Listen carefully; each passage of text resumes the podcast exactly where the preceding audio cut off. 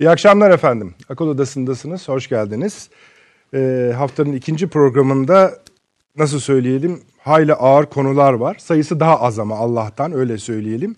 Çünkü bir tanesi bile muhtemelen bir belki de birden çok programın konusunu kapsayacak e, kapasitede. Öyle söyleyelim. Efendim dört başlık var. Birincisi Astana'nın fişi. Bunun altını konuşacağız. Şöyle demişti Sayın Cumhurbaşkanı, şu an itibariyle maalesef Rusya Astana ya da Soçi'ye sadık değil. Esasen Suriye üzerinden Türkiye ile Rusya arasında bir gerilim olduğunu bir süredir hissediyor idik.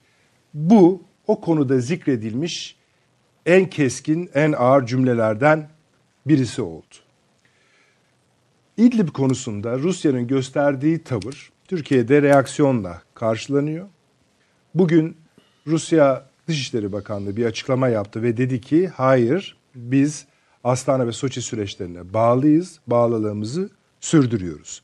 Gel gelelim gerçek tablo bu mudur? Yani gerçek tablo bu mudur diye sorarken sadece şunu söylemiyoruz efendim. Burada Rusya'nın İdlib'e veya Türkiye'nin sınırlarına, güvenlik sınırlarına yönelik bir hareketi hangi değerdedir, ağırlıktadır? Bunun iyi tartılması gerekiyor. Çünkü bölgede bir de Amerika meselesi var. Anımsayacaksınız, üç kez Amerika ile Rusya silahlı birlikleri karşı karşıya yüz yüze geldiler. Bunu bir not olarak şimdi söyleyelim. Yani sadece İdlib meselesi değil, İdlib'in perde arkasını konuşmamız gerekiyor ki bu karşılıklı yüksek tondaki açıklamaları anlayabilelim. Yüzyılın planı aynen devam ediyor efendim bu konu üzerindeki tartışmalar. Ee, bu hafta sonu Arap Birliği toplanacak. İslam İşbirliği Teşkilatı Dışişleri Bakanları seviyesinde toplanacak. Türkiye'nin pozisyonunda bir değişiklik yok. Ama diğer oyuncuların pozisyonları sürekli değişmeye devam ediyor. Ee, herkesi yapmak istedikleri şu anlaşılıyor. Amerika Birleşik Devletleri ve İsrail ya tamam şimdi siz biraz kızgınsınız. İstediğinizi yine söyleyin tamamdır. Ama şu yazdıklarımıza çizdiklerimize bir bakın. Sonra karşılıklı konuşalım masasına oturtmaya çalışıyorlar. Türkiye'nin açıklamaları hiç o yaklaşımda değil. Ama şundan da doğrusu mesela Arap Birliği'nin açıklamaları var. Amerika'yı da anlıyoruz. Yani başta karşı çıkıyorlar ama yani bu plan iyi değil diyorlar ama Amerika'nın gerekçelerini de anlıyoruz. Yani burada pek öyle Filistin-İsrail meselesinde kimseye güvenilecek bir durum yok. Bir tek tek oyuncular üzerinden meseleyi anlamamız gerekiyor. Üçüncü başlığımız virüs. Aldı başını gidiyor efendim. Biraz daha e, politik yönleriyle bakacağız. Çünkü bazı kapılar kapatılmaya başlandı. Biraz Çin'in kuşatılması gibi bir durum da ortaya çıkıyor. Çin'den hemen hemen hiç açıklama yok. Resmi olarak olayı değerlendirmiyorlar. Sadece bilgi veriyorlar. Son derece didaktik bilgiler bunlar. Bunları zaten biliyoruz. Diğer basın yayın organları da bunları küresel olarak duyuruyorlar. Bunu bir anlamamız gerekir diye düşünüyoruz. Dördüncü konu Libya. Libya'da donanmamız Fransa'ya rağmen Fransa'ya diş gösterecek şekilde orada bulunuyor. O fotoğrafları hatırlıyorsunuz. Şimdi Libya meselesinin de resmi açıklamalar üzerinden bir daha gözden geçirilmesi gerekiyor. Fransa itiraz etmişti Türkiye bize verdiği sözü tutmadı diye. Türkiye de ona cevabını verdi. Siz bu tutmadığınız kaçıncı söz onlara bakın. Libya'yı biraz güzel ele alın mealinde konuştu. Bu arada tabi biliyorsunuz Sayın Cumhurbaşkanı'nın Afrika gezisinde özellikle Cezayir ziyaretinde Fransa'nın 5 milyon Cezayirli'yi öldürdüğüne ilişkin bir söylemi vardı. Şimdi Türk donanması 5 fırkateyn, tabi denizaltıları bilmiyoruz. 5 fırkateyn orada gözüküyor ve tabi resmi açıklamalar bu sahil şeridini kapatıyor kapatmıyor söylemiyorlar ama oradaki ağırlığımızı bize gösteriyorlar. Efendim dört buydu. Bir de tabii bugün Milli Güvenlik Kurulu vardı. Milli Güvenlik Kurulu yapıldı. Bu bahis ettiğimiz konuların tamamını elden geçirdi MGK. 2019'un nasıl geçtiğine baktı.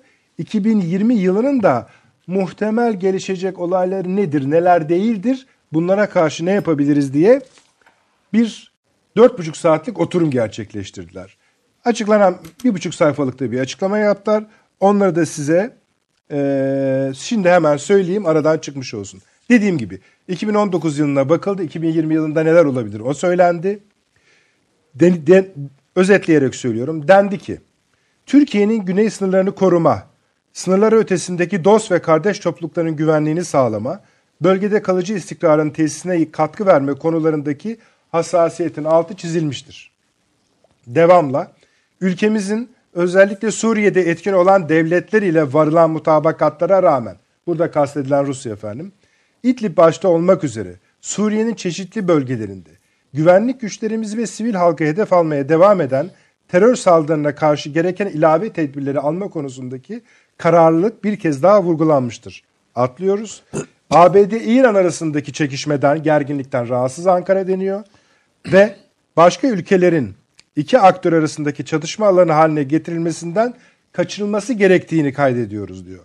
O başka ülke denilen de Irak. Anlıyoruz ki Türkiye'nin Irak konusunda da rahatsızlığı var. Altıncı maddede şöyle efendim. İşte ABD yönetiminin duyurduğu İsrail-Filistin ihtilafına ilişkin plan bir ilhak en özet haliyle söylüyorum bir ilhak planı olarak tarif ediliyor. Zaten daha önce kırmızı çizgi vurgusu yapılmıştı. Buradaki çözüm ancak 67 sınırları esas alınarak yola çıkılmalıdır deniyor. Hemen başlayalım efendim. Sayın Avni Özgür abi burada Yeni Birlik Gazetesi yazarı. Avni abi hoş geldiniz. Hoş bulduk. Ee, Profesör Doktor Süleyman Seyfi'nin hocam buradan. Hocam eksik olmayınız. Evet, Doktor Hakkı Öcal, İbn Haldun Üniversitesi öğretim üyesi. Abi hoş geldiniz. Hoş bulduk efendim. Ee, Ankara'da Profesör Doktor Taşansı Türker hocam var. Tabii birinci konuda bayağı konuşturmaya gayret edeceğiz. Hocam duyuyor musunuz? Ee, çok iyi duyuyorum Nedret Bey. Harika. Hoş geldiniz hocam. Evet Avni abi şeyden başlayalım istersen. Çok sağ olun. Çok teşekkürler. İdlib'den. Şimdi bu İdlib deyince mesele biraz sanki kamuoyunda yani öneminin herkes farkında elbette ama biraz böyle küçük bir işmiş gibi duruyor. Gel gelelim bugün mesela Genelkurmay Başkanları arasında görüşme gerçekleşti. Yani e, bizim Genelkurmay Başkanımızla Rusya Genelkurmay Başkanı arasında. Yani sahada bir hal var. Bu hal e, Cumhurbaşkanı'nın sözüne denk geliyor. Yani Rusya ile ilgili bir sorun var işte. Rusya Türkiye'yi yatıştırmanın derdinde canım. Başka bir dertleri yok yani.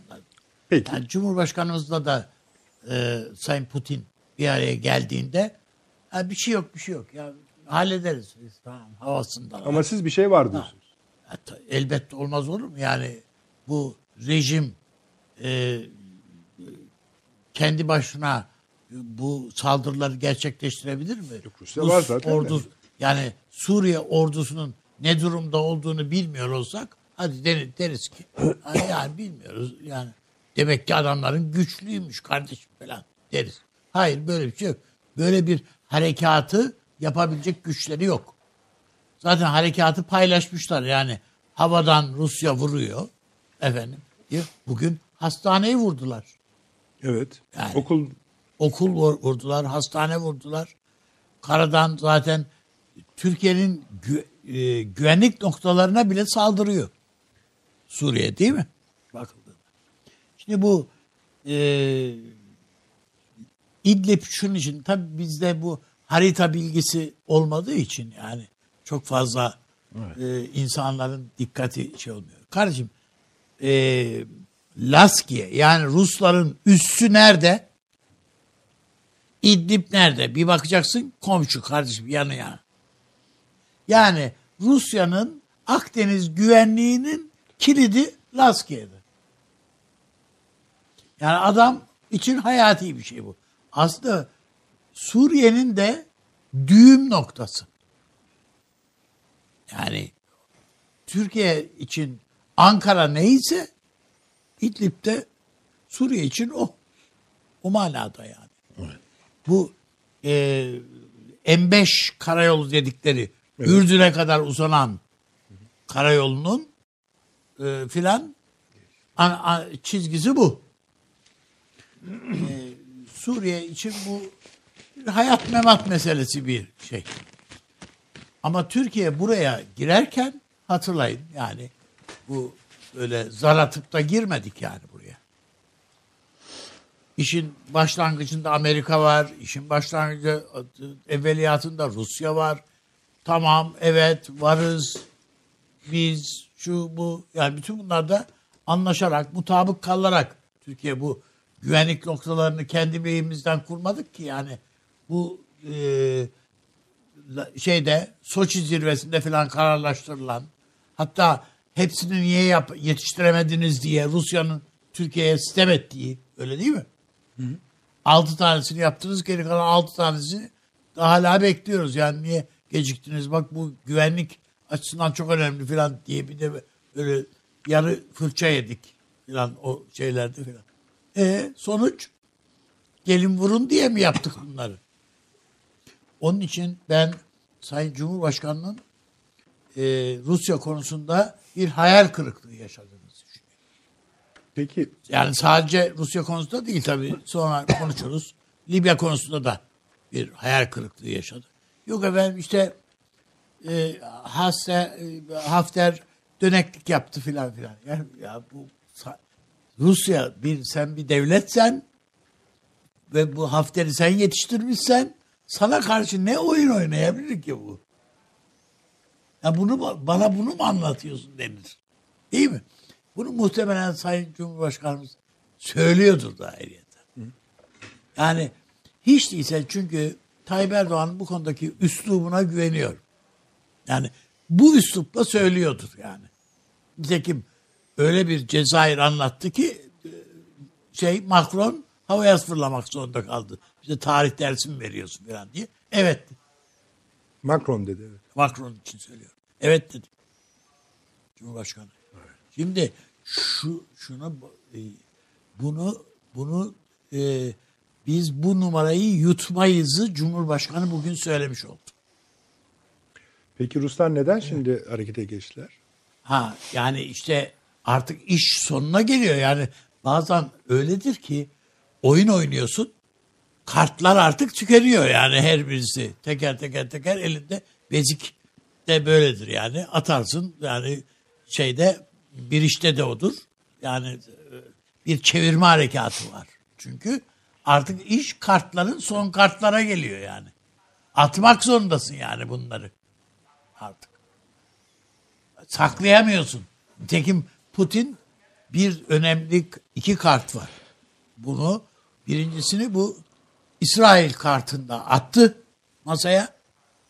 Yani bu Amerika'nın e, asrın projesi barış bilmem nesinde. İşte Netanyahu gitti konuşuyor yani. Lan ne yüzden geleceksin bana demiyorlar yani. Hepsi de geliyorlar öpüşerek, sarışarak falan. Ondan sonra zaten Auschwitz'te gittik şeyler andılar bilmem ne ettiler. Yani ben o tabii başka bir şey yani o bir katliam. O Netanyahu Rusya'ya gidiyor. Yani evet o soykırım şeyi filan o, ona bir şey de, demiyorum ama onun ötesinde Putin'in bir açıklaması var. Bu e, Milli Geve- e, Birleşmiş Milletler Güvenlik Konseyi üyeleri biz bir bir araya gelelim özel olarak konuşalım dedi adam. Evet. Dünya nereye gidiyor, ne yapıyoruz, ne diyoruz? Ya demiyor ki yani biz hani Soçi'de beraberiz. Filistin'le ne olacak şunumuz, demiyor. Filistin'de ne olacak filan. Böyle bir derdi yok Hayır. yani. Hani biz yani şu Astana'daki üçlü biz bir araya gelelim de eksiğimiz ne, gediğimiz fazlamız ne, gediğimiz ne bunu bir konuşalım demiyor mesela. Biz aslında belki de yani bu MGK'da muhtemeldir ki Sayın Cumhurbaşkanımız onu değerlendirmiştir. Yani Laskiye diye e, veya İdlib diye bakmakla meseleyi bütün Orta Doğu ölçeğinden uzaklaştırmış gibi de oluyoruz. Onun için Türkiye farklı bir platform kendisine. Yani bir yeni şey açmak, e, platform açmak durumunda filan diye düşünüyorum. Ben e, önümüzdeki e, şeyin bu bir de tabii yani bu neyim değil mi bu Rusya'nın üssü, hava üssü. E bu da bu da İdlib'de birader. Yani adam kendini böyle koruyor. E, öbür taraftan yani burada belki en en masum gibi masum demeyeyim de adam tabii suçlunun dik alası da en şey gözükebilen Şam rejimi kendi toprağı ya adam. Nihayetinde. Ama öbürü öyle değil. Öbürünün hesaplar var. önünde. Onun için ben Ankara'nın özellikle bu Afrika gezisi son dönüşünden sonra Sayın Cumhurbaşkanı'nın bir e, farklı değerlendirme içinde olabileceğini e, düşünüyorum. Peki Yani bu ilave tedbirler ne olabilir? Avni abi. Efendim? Bu ilave tedbirler ne olabilir? Nerede? Yani MGK kararı diyor ki bu devam ederse ilave tedbirler. Yani ne bileyim şimdi burada söylemek istemiyorum yani. Yani işin yani Türkiye açısından ilave tedbir derken kararlar. Bir, takım kararları alırsın yani. Bana- bana söyle Sen eğer Öyle abi. Engel sen yok. eğer bu üçlünün aldıkları bu Astana Soçi üçlüsünün aldığı kararları sen bir tarafa atıyorsan ben de başka kararlar peşine giderim. Ben de başka şeyleri çöpe atarım. Ya- Yani çö- evet gözden çıkarabileceğimiz başka şeyler de var ha. Var. Yani onun için burada söylemek istemiyorum. Reklam arasında söylerim. Reklam arasında söylersen ben de izleyicilerimize Söyle, söyleyeyim. Ee, sen söyle abi madem öyle. ya bu arada bir ufak anons yapayım. Efendim çok özür diliyorum. Ee, ağır bir soğuk algınlığı geçiriyorum. Sesim hayli berbat size yansıyor. Bunu Dur söylemeyecektin. diye. Niye söylemeyecektim? Yani yaygın bir virüs var. O önemli. Sesim kötü gittiği için onu bir özür dileyelim. Sese de yansıyor. Bu Tamam, onu düşün. yani virüsün cinsi ne? İşte onu öpüşürken söyleyeceğim sizinle. Efendim şimdi e, e, Avni Hocam çok güzel meseleyi koydu. E, ben bu çerçevede iki şey söyleyeceğim. E, bu sorusu şuydu e, Avni Hoca'nın. Bu İdlib'de varılan mutabakat işleyebilir mi idi? E, işleyebilirdi. Türkiye orada e, bütün radikal, radikal olmayan, ılımlı, ılımsız ne kadar silahlı insan varsa hepsini getirip oraya koydular. Halbuki Türkiye böyle bir İdlib istemiyordu. Türkiye orada sadece rejim aleyhtarları, muhalifleri istiyordu. Silahlı diğer bütün örgütleri oraya getirip Doğruysa doldurmak. 700 bin İdlib halkından 700 bin kişi hudutta. Bu nasıl bir şey ya? Çünkü Türkiye hududuna Rusya adam yığıyor yani. sadece Rusya yığmıyor. Oradaki bazı silahlı gruplar Ha, da tabii yığıyor. o da da. Yani e, e, rejimle mücadele ediyoruz ve reji, demo, falan diye e, bir takım silahlı gruplar var. Onlar e, ge- gerçek, hakiki e, Suriye muhalefetini falan da dinlemiyorlar. Onların da kim olduğunu gayet iyi biliyoruz. Yani e, onların narına e, meşru muhalefet de yanıyor İdlib'de şu anda. Hastaneleriyle, sivilleriyle, e, zavallı Türkiye'de şimdi oraya 700 bin kişiye küçük evler, çadırlar bilmem neler yetiştirecek. E, e, Valla bizim yırtıp atabileceğimiz bir veya göz ardı edebileceğimiz bir şey var.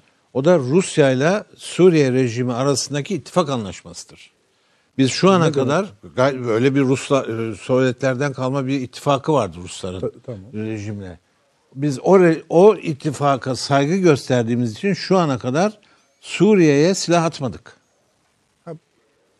Atarız. Senin söyleyemeyeceğin bu mu? Atarız. Bu da bu bir, birincisi. ikincisi orada Nusra diye bir örgüt var kardeşim. Onu ben de söyleyemezdim. Yani bu, İyi ki de bu- söyleyemediniz. bunlar ba- daha farklı oyunlar yani. Peki. Ya bu bizi aşıyor belki. Yani Tabii. gazetecilik şeyini aşıyor. Ama Ama bazen yani, böyle yani siyasetçinin- bazen bakarsın e işte orada Hafter de aşıyordu. Tabii. Yani herif söz verdi ama başka türlü yapıyor. Diplomatik dille söylendiği zaman bazı Mesela şeyler çok hafif oluyor. Şu, yani silahlı cevap verilir. Gayet tabii verilir. Yani ve Sen söyledi illa Genelkurmay sen Başkanı. başkasına attırırsın da yani. Genelkurmay Başkanı söyledi. Yani bizim oradaki gözlem noktalarımızın kılına zarar gelemez dedi. Gelmesin dedi. Bu bu ne demek? Kılına Peki, zarar Rusya buna getirecek dikkat adam. ediyor mu? Etmiyor, etmiyor. Şimdi benim sevgili- Rejimi kullanıyor ama bunun için. Ve o hep böyle kenarda duruyor. Ara bulucuymuş rolünde. Aklınca bizimle Suriye'nin arasını buluyor e, Putin efendi. E, çok ikiyüzlü bir adam bu Putin. Siyasetçiler bunu böyle açık yüzlükle kelimelerle söyleyemezler. E, biz gazetecilerin böyle bir lüksü vardır. Biz söyleriz. E, mesela geçenlerde e, Savunma Bakanı'nın durduk yerde 16 ada niye silahlandı diye bir demeci vardı. Hakikaten durduk yerde niye bu demeç verildi diye merak ettik. Yunanistan da merak etti. Onu söylemek, tercüme etmek gerekti. E siz Hafter'i çağırıp görüşüyorsunuz kardeşim farkında mısınız? A- a- onun için diğersiz gün yazılar çıktı Yunan basınında. Aynı şey söyleyeyim yani e, bugün eğer Suriye rejimi zannediyorsa ki Rusya ile arasındaki bu ittifak dolayısıyla Türkler bana bir şey yapamazlar. Yaparlarsa Rusya'ya yapmış olurlar. Rusya bu sefer Türklere karşı harekete geçer. Türkiye geçer harekete ve Rusya da Türkiye hiçbir, Hiçbir şey şey yapamaz. yapamaz. Yapamaz. Ama Rusya her zamanki iki yüzlülüğüyle şunu yapabilir. Hafter'e daha çok destek sağlar. Efendim. Ee, Suriye rejimine daha çok destek sağlar.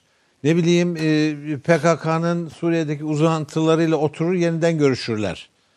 E, bu bizim ortağımız yani iş yaptığımız adam yapıyor bunları.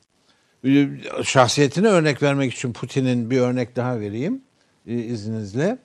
Netanyahu ile oturmuş gayet mütebessim konuşuyor. Sanki Evet. 24 saat önce ya. 24 saat önce bu adam Filistin'i yok etmedi, Kudüs'ü yok etmedi. E o zaman hangi Filistin halkının dostu Rusya?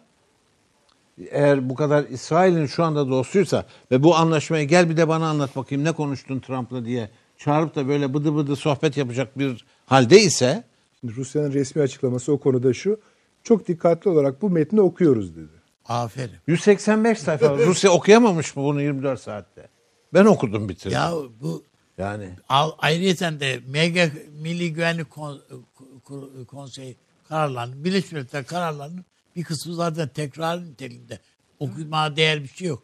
Adama sadece sen, ben, hepimiz yani burada geçen hafta da arkadaş burada Filistin devletine bir yer var mı? Dur dur oraya Yok, girme şimdi. olmadı. Onu ayrı başlık yapacağız. İyi. Aynen abi şimdi sen bu, bu kadar mı? Bil silahlı karşılık veririz.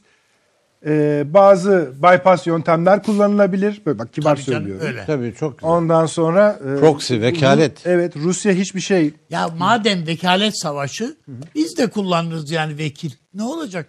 Zaten herkes kendi işini avukata verip başkasının işini yapıyor. Rusya hiçbir şey yapamaz da dediniz. Yani bu bağlamda yapamaz. Rusya her şey yapabilir. Rusya ne bileyim portakal almıyorum der gene. Mandalina almıyorum bak, der. Türkiye'nin de- Rusya'nın yapabileceği Bak, çok şey var yani. Rusya'nın karnının içinde Çeçenistan'ı var bilmem. Tabii. Abazya'sı var bilmem. Öyle bu yani e, sütten çıkmış kaşık rahatlığında değiller bunlar. Hiçbir şey yani öyle kolay değil. Peki şimdi Taşan Hoca'ya gideceğim ama size konuşanlara sorayım şimdilik. Avni Bey bu fiş çıktı mı? Ya de- adam oynatıyor ya yani e, yani Abi sen burada de demiyorsun ama çıktı mı çıktı? ama Fiş yalama şey olmak var. üzere. Yani Hiç- bu bir yani bu hani çok naz aşık usandırır hesabı. Yani adam çok kötü oynuyor yani oyunu.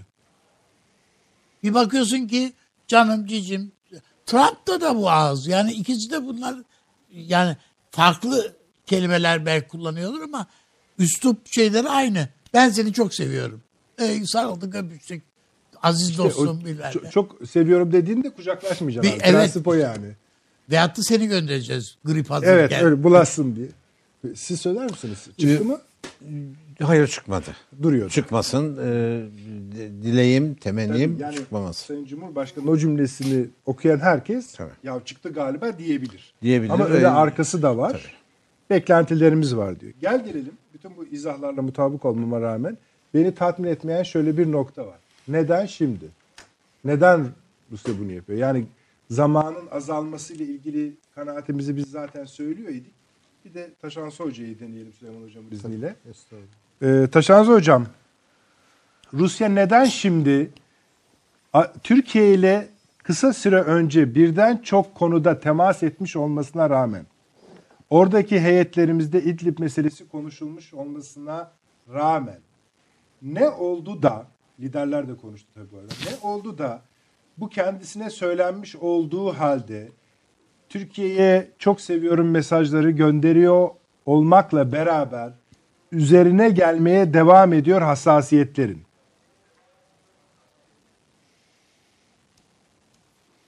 Ee, Efendim bu şöyle aslında kısacık neden bu şimdi şey denirdi e, efendim nicel değişimin nitel değişime e, dönmesi. İşte su 100 dereceye kadar kaynar ondan sonra buhar olur. Artık bir birikimden bahsediyoruz yani burada. E, ama Libya'nın bir kırılma noktası olduğunu görmemiz gerekir. Yani Libya'da aslında Rusya'ya bir şekilde çok büyük imkanlar sundu Türkiye. Önünü açtı Libya'da ama Rusya orada da bu kartı kullanamadı. Yani hem kendi dağınıklığından mütevellittir bu hem de e, birazcık da Türkiye'ye yaklaşımda belirli çizgiler var Rusya'da bunlar aşılamıyor ne yazık ki. O yüzden şimdi artık e, kaçınılmaz olan geldi diye düşünüyorum. Burada hani benim e, özellikle dikkat çekmek istediğim birkaç husus var. E, gerçekten çok önemsediğim şeyler.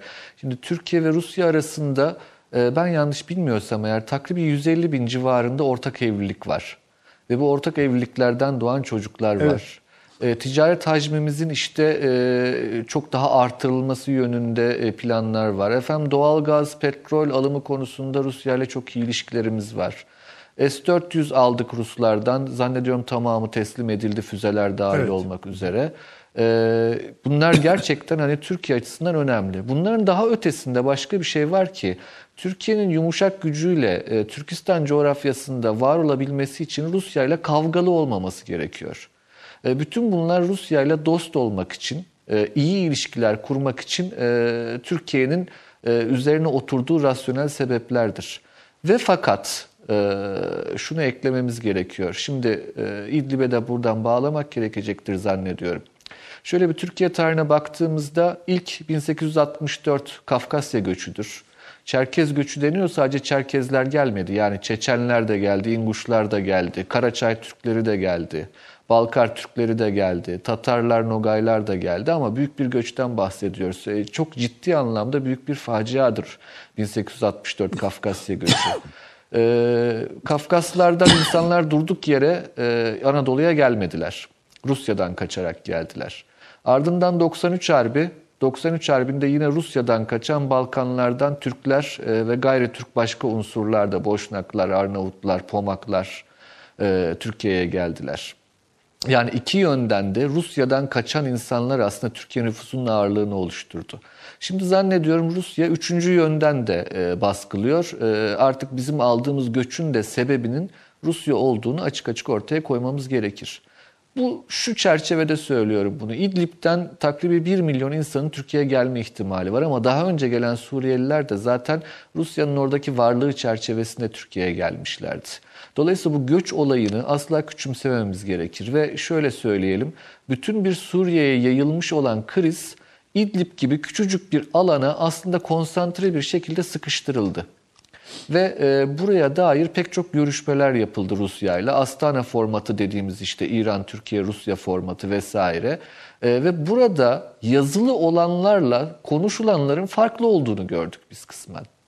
Ve e, zannediyorum ki hani Türkiye'nin de orada eksikliği olarak değerlendirmemiz gerekir. Putin'in sözlerine itibar edildi. Yani yazılı olana değil de e, Putin'in e, doğrudan kendisinin kullandığı sözlere. Orada hani bu Batı basınında çok fazla çıkar. Eski bir KGB e, üyesi ne kadar dürüst bir siyasetçi olabilir sorusu. Cevabını yani biliyorsunuz onun değil mi? Önemli bir sorudur bence. Çünkü e, Valla ben e, bilmiyorum hani onu e, muhatapları şey yapsın, ne kadar değerlendirsin diyorum ama Tabii ki, tabii ki. Kesinlikle öyle. Yani ama bu e, dünyanın gerçeğidir.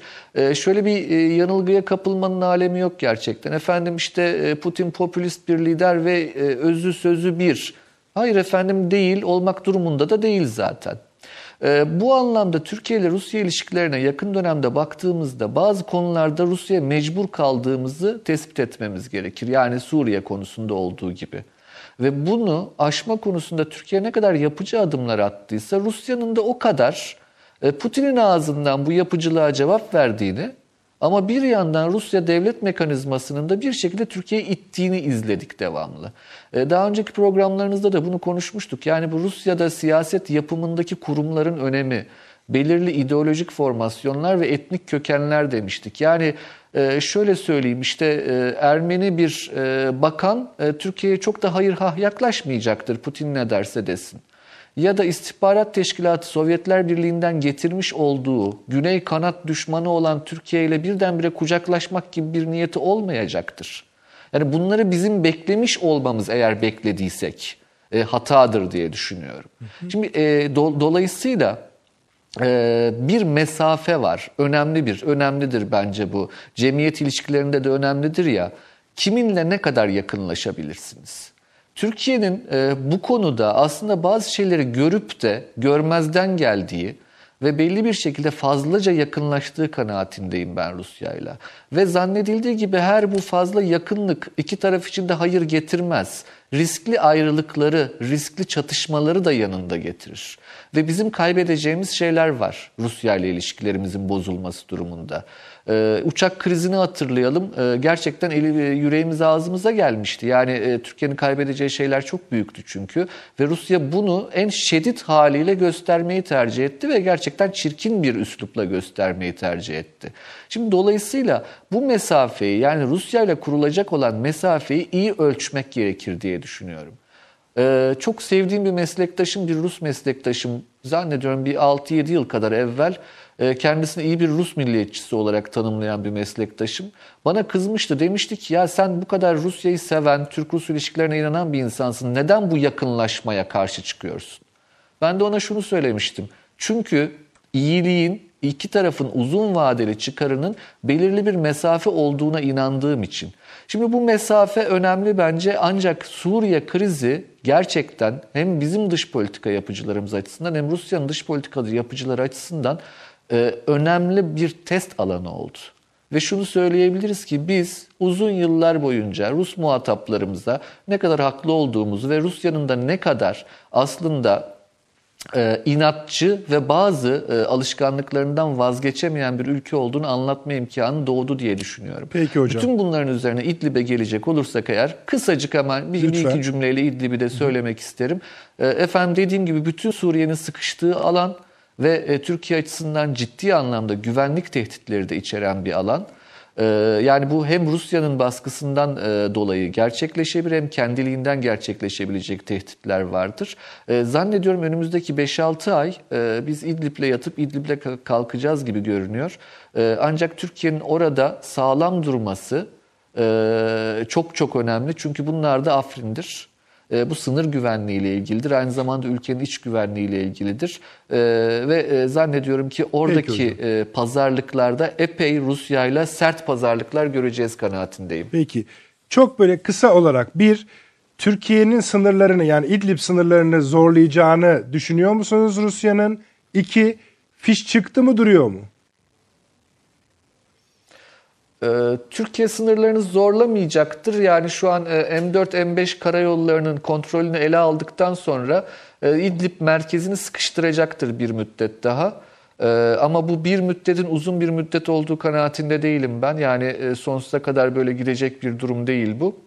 İkinci soru fiş çıktı mı? Efendim fiş çıkalı bence çok oldu.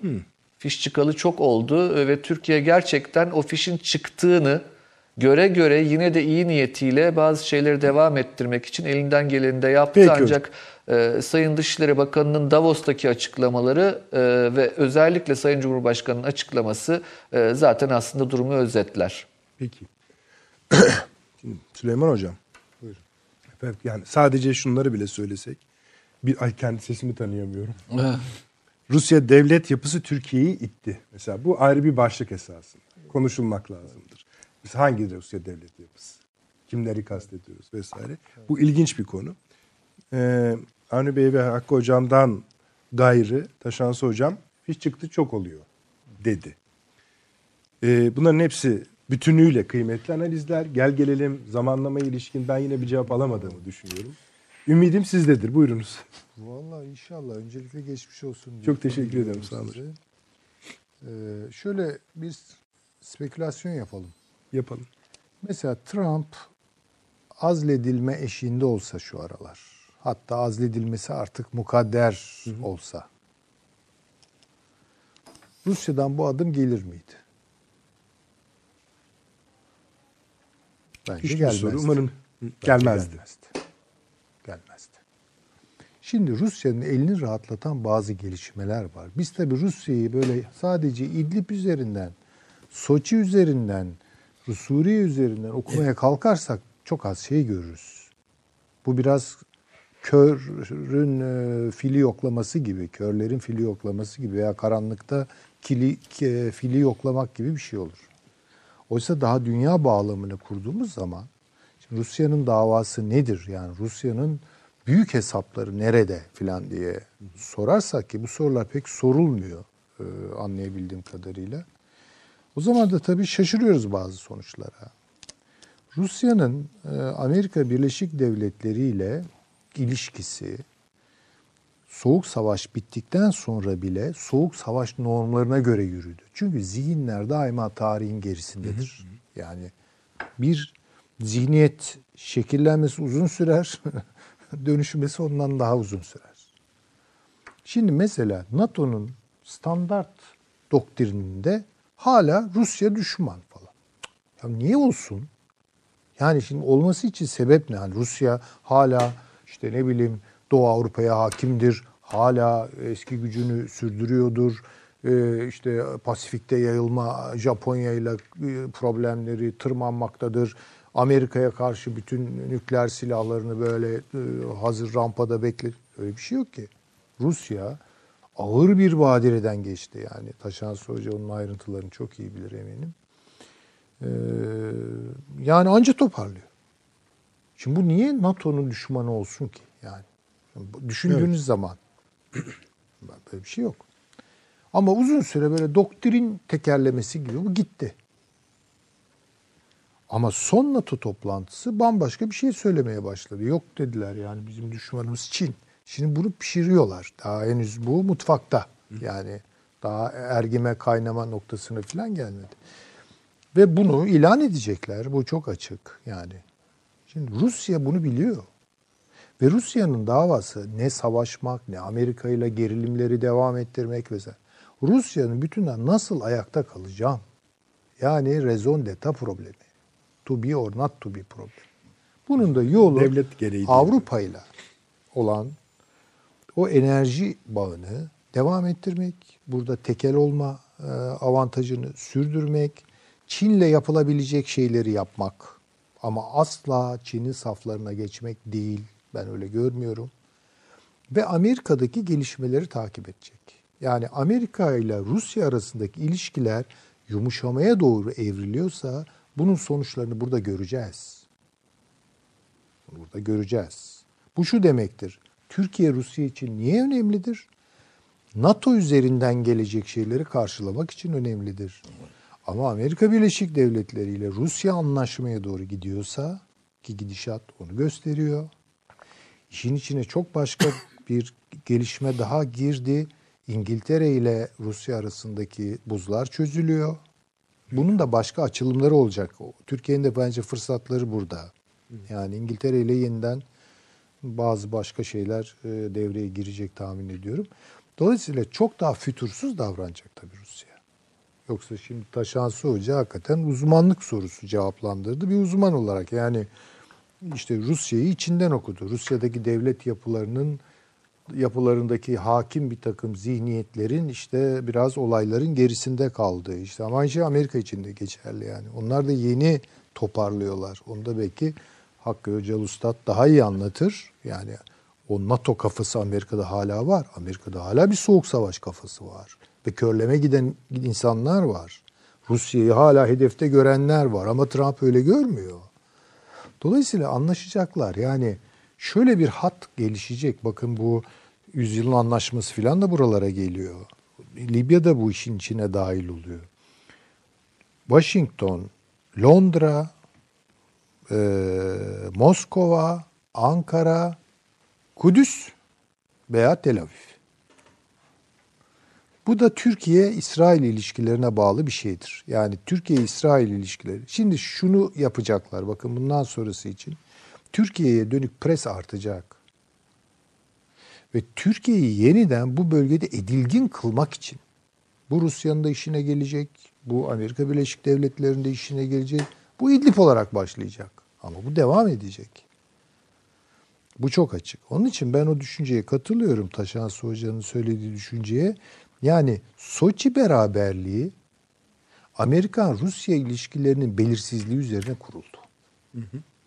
Şimdi oradaki belirsizlik yavaş yavaş dönüşüyorsa, e, belirli bazı şeyler belirli hale geliyorsa çünkü Trump çok kötü bir ifade ama başka türlü Trump'a yakışır olduğu için yırttı yani.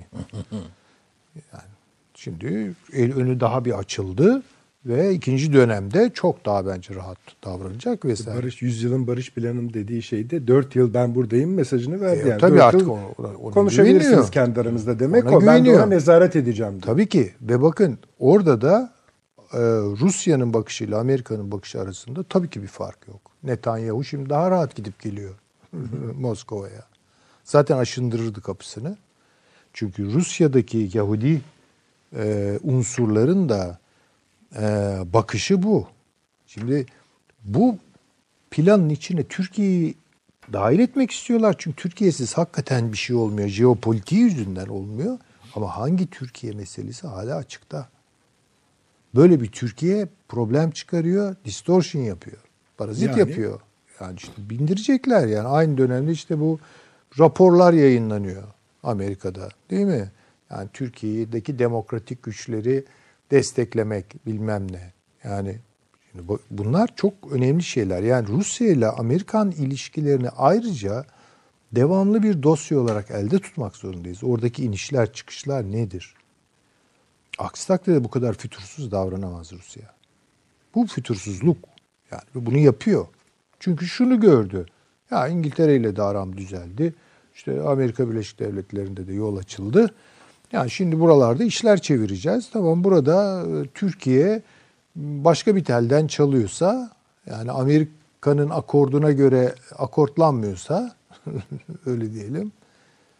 E, Valla biraz onu e, destabilize edelim, istikrarsızlaştıralım, biraz güçten düşürelim ki daha fazla ona bir şey e, dikte edelim. Dediğinize işte yani şey zaten az önce Şans Hoca'nın işte etnik kökenleri filan filan dediği yani Lavrov'dan diyelim adam Ermeni. Ermeni kökenli, zaten tabii, filan. tabii. Yani ama e, yakın zamanda değil mi? Bir hafta öncedir. E, mutabık kaldık. Teröristle muhalifi birbirinden ayıracağız Evet, evet. gibi bir laf etti. Sayın Dışişleri Bakanımızla görüşmesinden sonra. Evet. Bunu bu aslında yani bana kalırsa tabii nasıl, tam açılımını kesin bilemeyiz belki ama bu PYD ile PKK'yı ayıracağız. Arka gibi. Tabii, Gibi. tabii, oraya E, da gidebilir yani. Bir de İdlib'de işte o teröristlerle muhalefet, ılımlı muhalefet meşhur, silahlarını teslim etmiş olan muhalefet. Peki eğer öyle idiyse o zaman adama sorarlar. Yani bu e, radikal teröristler hastanede de mi bugün? Onun için hastaneyi bombaladılar. Yani Yok canım, değil yani. Tabii. Yani şuna da e, işaret etmek istiyorum. Bakın Soçi'nin e, fişi prizden evet çektiler. E, şimdi İran yok ortada mesela hiç. İran var mı acaba? Yok işte onu diyorum yani. Burada nerede İran? Şimdi duyuyor İran musun? sesini çıkarmaya Soçi üzerine bir şey yani. diyorlar mı yani? Ya Onlar başka bir derdi. Yani zaten bunu ortadan eğer dediğim gibi Trump azledilmeye doğru gitseydi, Amerika'daki o şahinler neyse o gözü karalar, e, onlar eğer kontrolü ele alsalardı Rusya'nın başı dertte devam olmaya devam edecekti ve Türkiye olan ihtiyacı artacaktı. O zaman daha dikkatli davranacak. Süleyman Hocam, İdlib'e yakınlaşan bu operasyonda Rusya'nın desteğinde konusunda zaten kimsenin bir tartışması şüphesi yok. Ama o harekatı yapan grupların içinde İran'ın milisleri var. Tabii canım onlar zaten olacak. Belki yani. İran oradadır. E, tabii ki yani zaten Soçi'nin en yumuşak karnı İdlib değil miydi? Evet. E İşte tamam o oradan hassasiyetler kaşınmaya başladı. Zaten bu da sürecin sonuna doğru gidildiğini gösteriyor. Ha şimdi bu durumda Türkiye ne yapacak? Ha, o konuda vallahi e, böyleyse Biraz sonra konuşalım ama siz şunu söylüyorsunuz. Ee, fiş bana göre de çıktı diyorsunuz. e, tabii ki öyle gözüküyor.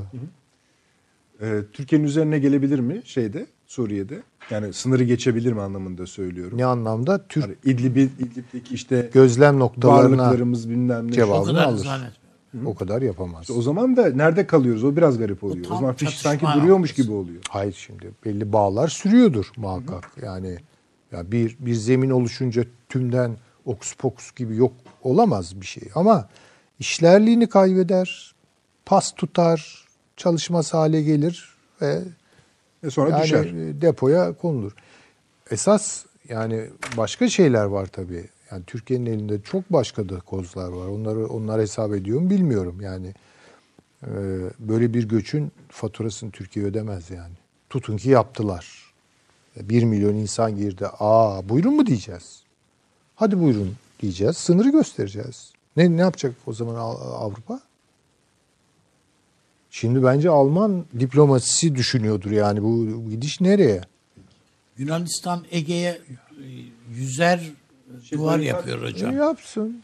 Yani Yani böyle planları var Yunanistan. valla bir milyon insan e, Bulgaristan, Yunanistan sınırına dayandığı zaman ne yapacaklar çok merak ediyorum yani. O merakı biraz sonra konuşalım efendim. Şunları da konuşalım hatta reklamlardan sonra. O bölgede Suriye'nin kuzey kısmında ABD ve Rusya'nın sık sık karşılaşmaya başlaması ne demek? O başka bir şey. Başka Bakın, bir şeyi konuşalım. Yani şimdi İngiltere'yi soktuğum zaman denklemin tartışılması gereken başka boyutları ortaya çıkıyor. İkincisi e, Amerika ile Rusya arasındaki bu yakınlık aynı zamanda problemleri de belirgin hale getiriyor. O confrontation, rastlaşmalar, karşılaşmalar yani peki yakınlaştık, yakınlaşınca aynı zamanda sorunları da daha belirgin görmeye başlıyorsunuz. O petrol bölgeleri kimin olacak? Peki. Yarın geliyor Türkiye'ye bu Avrupa Merkez Evet, Kuvvetleri bugün gelecekti.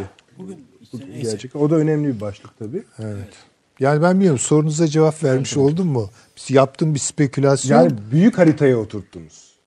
Hayır, siz dediniz niye şimdi? Ha, büyük haritaya bunu oturtarak bir cevap verdiniz. Tamam yani Peki. bir modelleme bu. Modelleme Ee, bu. Yani tartışmaya ve Gayet tabii ki. Hazır. Seyircilerimiz de ona tabii ki düşüneceklerdir üzerlerinde.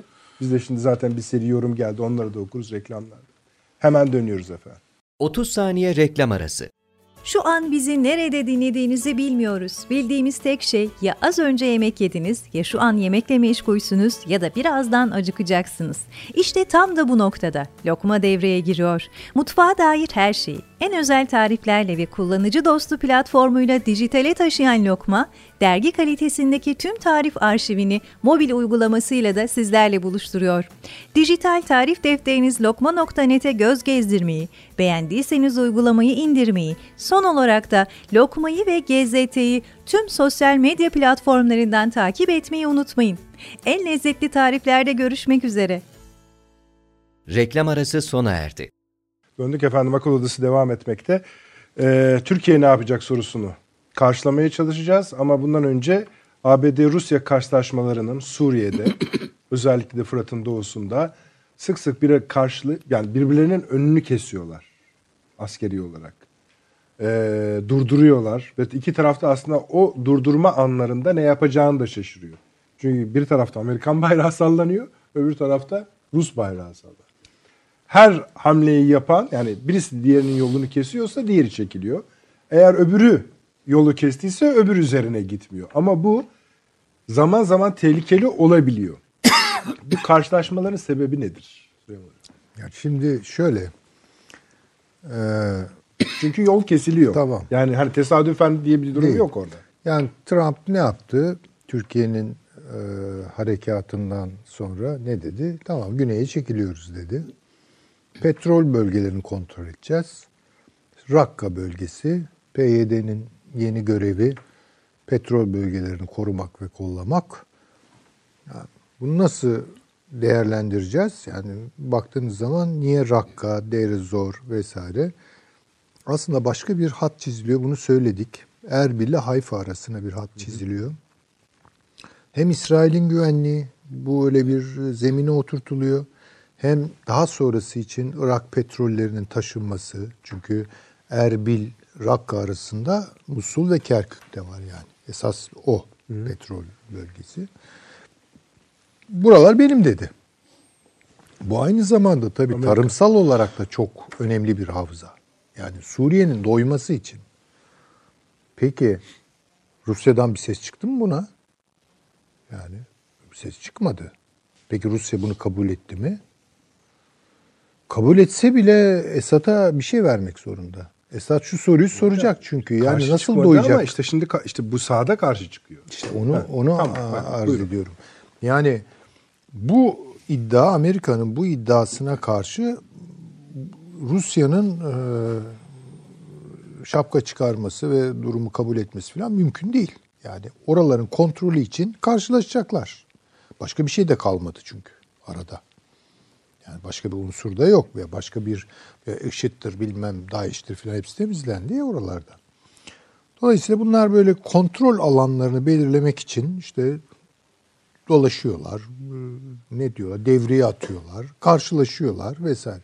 Bunu ben çok trajik gelişmelere, dramatik gelişmelere gebe bir şey olarak görmüyorum. Böyle bir şey olmaz.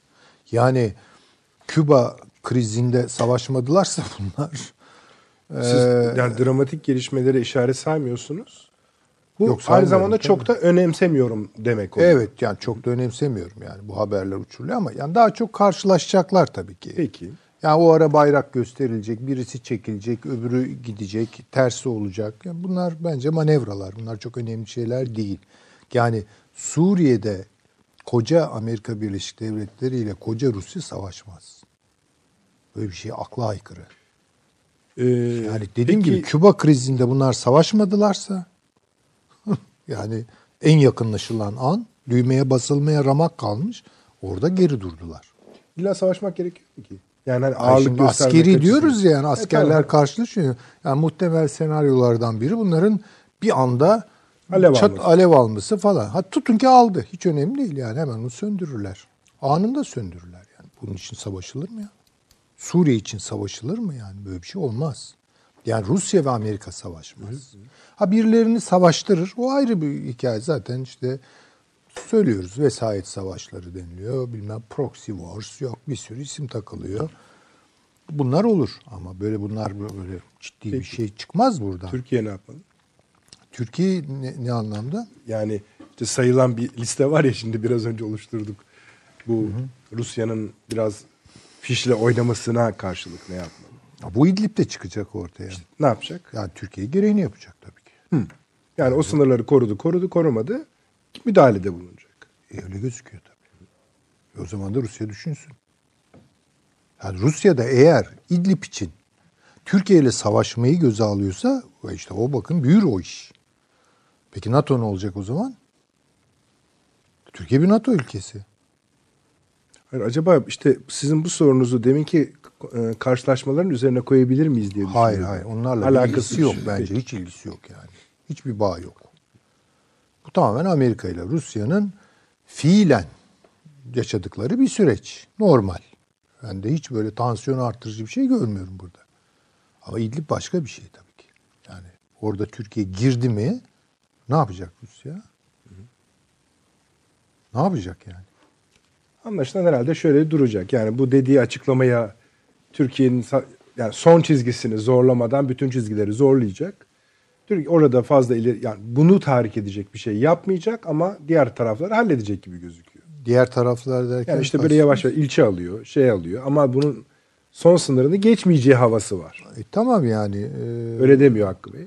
Son son sınırı geçmez yani oradaki Türk askerlerinin yani ne bileyim yani bu oda kadar bir yerdeler mesela orayı bombalamazlar ama etrafından geçerek o kol, ilçeyi aldı. Ha. O durum Yani- çıktıysa zaten o kulelerin bir anlamı kalmamış Tabii, tabii. Yani. olmuştur Herkes tabii canım. ilçeyi aldılar bugün. Tamam bitti yani. E, tamam. O ilçenin girişinde ne bileyim bu bina gibi, bu oda gibi filan büyük bir yer varsa içinde Türk askerlerinin olduğu, İHŞ ibadetlerini yaptıkları, ulaşım sağladıkları bir yol filan ona dokunmayacaklardır. Çünkü hocama katılıyorum yani e, nasıl e, Rusya, ABD, Suriye için savaşmazsa Rusya da Türkiye ile İdlib için Savaşmaz. herhangi bir çatışmaya girecek. şu cümleyi hatırlatmama izin veriniz. Suriye'nin çeşitli bölgelerinde güvenlik güçlerimizi hedef almaya devam eden terör cümle böyle değil. Şöyle. Suriye'nin çeşitli bölgelerinde güvenlik güçlerimizi ve sivil halkı hedef almaya devam eden terör. Yani sadece kule meselesi değil diyor Türkiye. Putin telefon açsa ve size dese ki Sayın Erdoğan, aziz kardeşim yani sivilleri hedef alma demişsiniz ama bildiride okudum. bir sivilleri şey e, Beşar hedef almıyor. Teröristleri hedef alıyor ve bunların terörist olduğunu siz de biliyorsunuz. Derse. Yani şunu söyleyecek. Biz bombayı atıyoruz. Sivil halk koşup al- altına Altına geliyor. Biz aslında teröristleri atıyoruz. Terörist dediği insanların tarifini yapmaları da zor. Teröriste heyet gönderdik iki kere. Ama Ankara bunu anlıyor işte. Yani hani adamın lafı dolandırdığını anlıyor. Ankara'nın da güç durumda olduğunu Rusya anlıyor. Umarım anlıyordur. Tabii anlıyor. Vallahi Peki. anlıyor. Bu böylece kapatabilir miyiz bunu? Yani basit bir şeye Ben- bağlan. Ben, ben, Ben Rusya'nın birkaç şey ekleyebilir miyim Nedret Bey? Tabii buyurunuz hocam. Ee, bu e, Süleyman Serifi Hoca'nın bahsettiği genel çerçeveye e, aynen katıldığımı belirtmek isterim ben de. Şimdi e, şöyle düşünelim hani Türkiye-Rusya ilişkilerine baktığımızda son e, 200 yıl aslında zaten bir üçgendir aslında bu. Yani İngiltere-Rusya-Türkiye üçgeni bir tahterevalli gibidir. Mesela işte İngiltere'de Dizraeli başbakansa Türk-Rus ilişkileri biraz daha iyi olur. Ruslar kendilerine çeki düzen verir. Ama Gladstone gelir İngiltere'ye. Ee, o da işte e, Hristiyan kardeşliği çerçevesinde Rusya'ya destek verir ve Rusya elini kuvvetli hisseder. E, hatırlayacak olursanız e, birkaç ay evvel de söylemiştik yani Rusya ile dengeleri tutturmanın zor olduğu bir döneme girdik dünya konjonktüründen dolayı. Ve mesela bu e, Rusya'da son yapılan reform çabasını da bir demokratikleşme çabası demiştik. O demokratikleşme tam da buna dair bir şey. Bir makyajdan bahsediyoruz orada. Yani Rusya devleti bir makyaj yapıyor şu an kendisine ve bu makyaj Trump'la uyumlaşma çabası. Mesela işte Kudrin gibi, e, Sobyanin gibi teknotra- teknokrat ama Batı sermayesiyle yakın ilişkiler kurmak isteyenlerin önü açılıyor şu an Rusya'da. Ve bu hatta Trump sonrası döneme bir hazırlık olarak değerlendirilmeli Rusya tarafından. Çünkü Putin şunun hesabını yaptı. Trump döneminde eğer ben bir patern oluşturabilirsem Amerika'da, yani Rusya'yı artık rakip değil de olası müttefik olarak kabul ettirebilirsem 4 yıllık bu yerleşiklik Trump sonrası döneme de sirayet edecektir. Ve bunun verdiği özgüven zaten şu an Rusya'da e, Türkiye ile ilişkilerini bu çerçevede yürütmeye iter. E, başka bir husus e, zannediyorum işte bu yüzyılın planı çerçevesinde konuşacağız ama sadece girizgah olması babında söylemek isterim. Netanyahu ile Putin'in kurduğu ilişkilere de baktığımızda çok özel ilişkileri olduğunu tespit etmemiz gerekir. Yani bugün mesela işte uyuşturucuyla yakalanan İsrailli sırt çantalı kızın serbest bırakılmasını, affedilmesini sağladı Putin.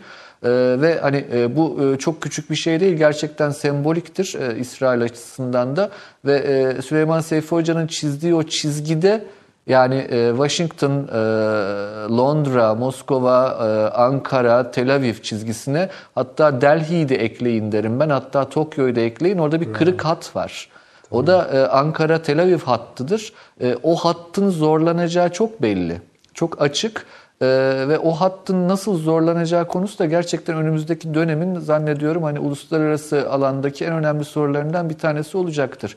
Ve e, her ne kadar Boris Johnson İngiltere e, artık Rusya ile rakip olma derdinde değil demiş olsa da İngiltere'nin refleksleri e, Türkiye'yi bir şekilde İngiltere manevrasını kullanma konusunda e, şanslı kılıyor aslında e, Rusya ile ilişkilere dair. E, o noktada iki tarafın da kaybedeceği yani Türkiye'nin kaybedeceği şeyler vardır Rusya ile arasının açılmasından ama Rusya'nın da kaybedeceği şeyler olduğunu göstererek değil ama sözle anlatmak gerekir Rus muhataplara diye düşünüyorum.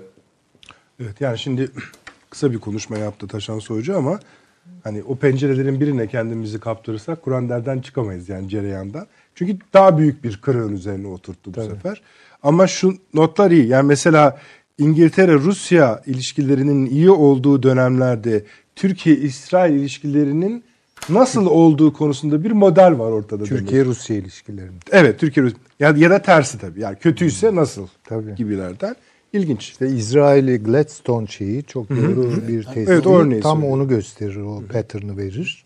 Avni abi bir şey diyordunuz ama giderken oraya. Yok şu şunu yani ben de Rusya ile e, Amerika arasında bir e, karşı karşıya geliş beklemiyorum. Kesinlikle. O bir cilveleşmek gibi bir şey yani de burada şunu söylemek lazım. Yani gerek az, az önce Taşan Hoca'nın da konuşmasından o anlaşılıyor. Yani bir 10 yıllık bir perspektiften bakıyoruz ya. En az yani kısa vadesi 10 yıl olan bir şey. E, muhtemelen e, Trump'ın yaklaşımı da bu. Yani önümüzdeki 10 yılı hedefleyen bir şey var. Proje var önünde. 4 yılını da siz zaten oturun düşünün alıştırın kendinizi diyor zaten Araplara. Değil mi? Bakıldığında biz söz olarak 2023'ü bir süredir ifade ediyoruz. Seslendiriyoruz.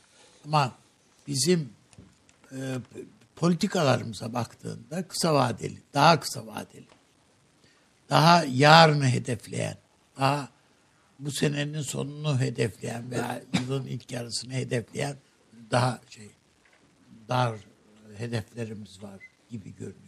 Yani mesela şu anda Türkiye'nin gündeminde neredeyse Irak yok gibi gözüküyor. Burada Halbuki da ismi çok- zikredilmeden ancak söylenmiş. Evet yani ama var yani önümüzdeki şeyler. Sonra bu bu kavga yani bu Suriye kavgası da habire kan kaybediyoruz da yani. Bu ister yani ister e, habire beklentilerin oluyor, o beklentiler karşılanmıyor bilmem ne şu bu ile ister başka şekilde. Yani terördü değil mi bizim ama şeyimiz? Evet. Yani e yani şimdi iş sanki e, başka bir hesaplaşmaya da döndü. Yani sadece PKK ile mücadele şey e, bizim canımızı yakan bir takım şeyleri önlemek, sınırlamak değil yani. Başka şeyleri de sınırlamaya döndü iş. Onun için ben Türkiye'nin de bu son aşamada bu tahlili yeniden ve çok, çok süratle yapması gerektiğini düşünüyorum. Ee, Libya'ya giderken neler söylüyorduk? Bugün Libya'daki şeyimiz, söz, söylemimiz nedir? E, öbür taraftan Somali diyor ki yırtınıyor. Gelin burada petrol arayın. Şu bu filan filan filan. İşte Cumhurbaşkanımız Afrika'ya gitti. Bilmem şu bu.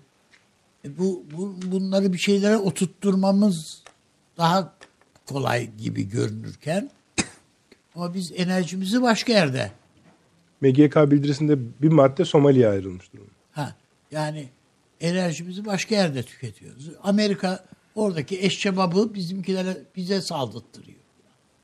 Böyle garip garip işler oluyor. Ee, ben yani o önümüzdeki dönemin biraz daha iyi analiz edilmesi gerektiğini komşularımız açısından. Keza İran ne düşünüyor? Yani Kudüs gitti, Filistin gitti, İran'dan ses daha yok. Süleymani gitti. Ay ona da ses seda yok yani pek. Yoktur. Öyle. Bir homurdanma yok.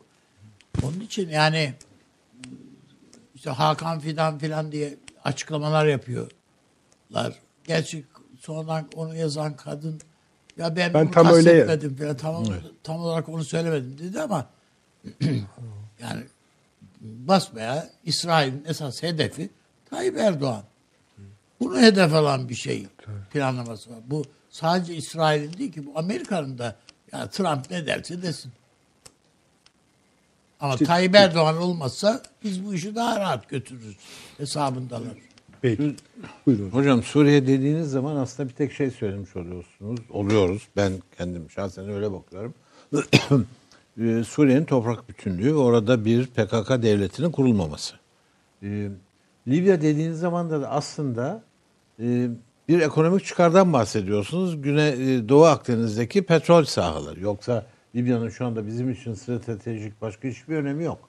Ee, Evet yani öyle bir darbecinin Libya'ya hakim olmasını istemem ben şahsen. Türkiye de istemez, kimse de istemez ama e, eğer bu darbeci Libya'nın istemez hakim olursa hayır yani Türkiye'de kimse istemez. Elbette.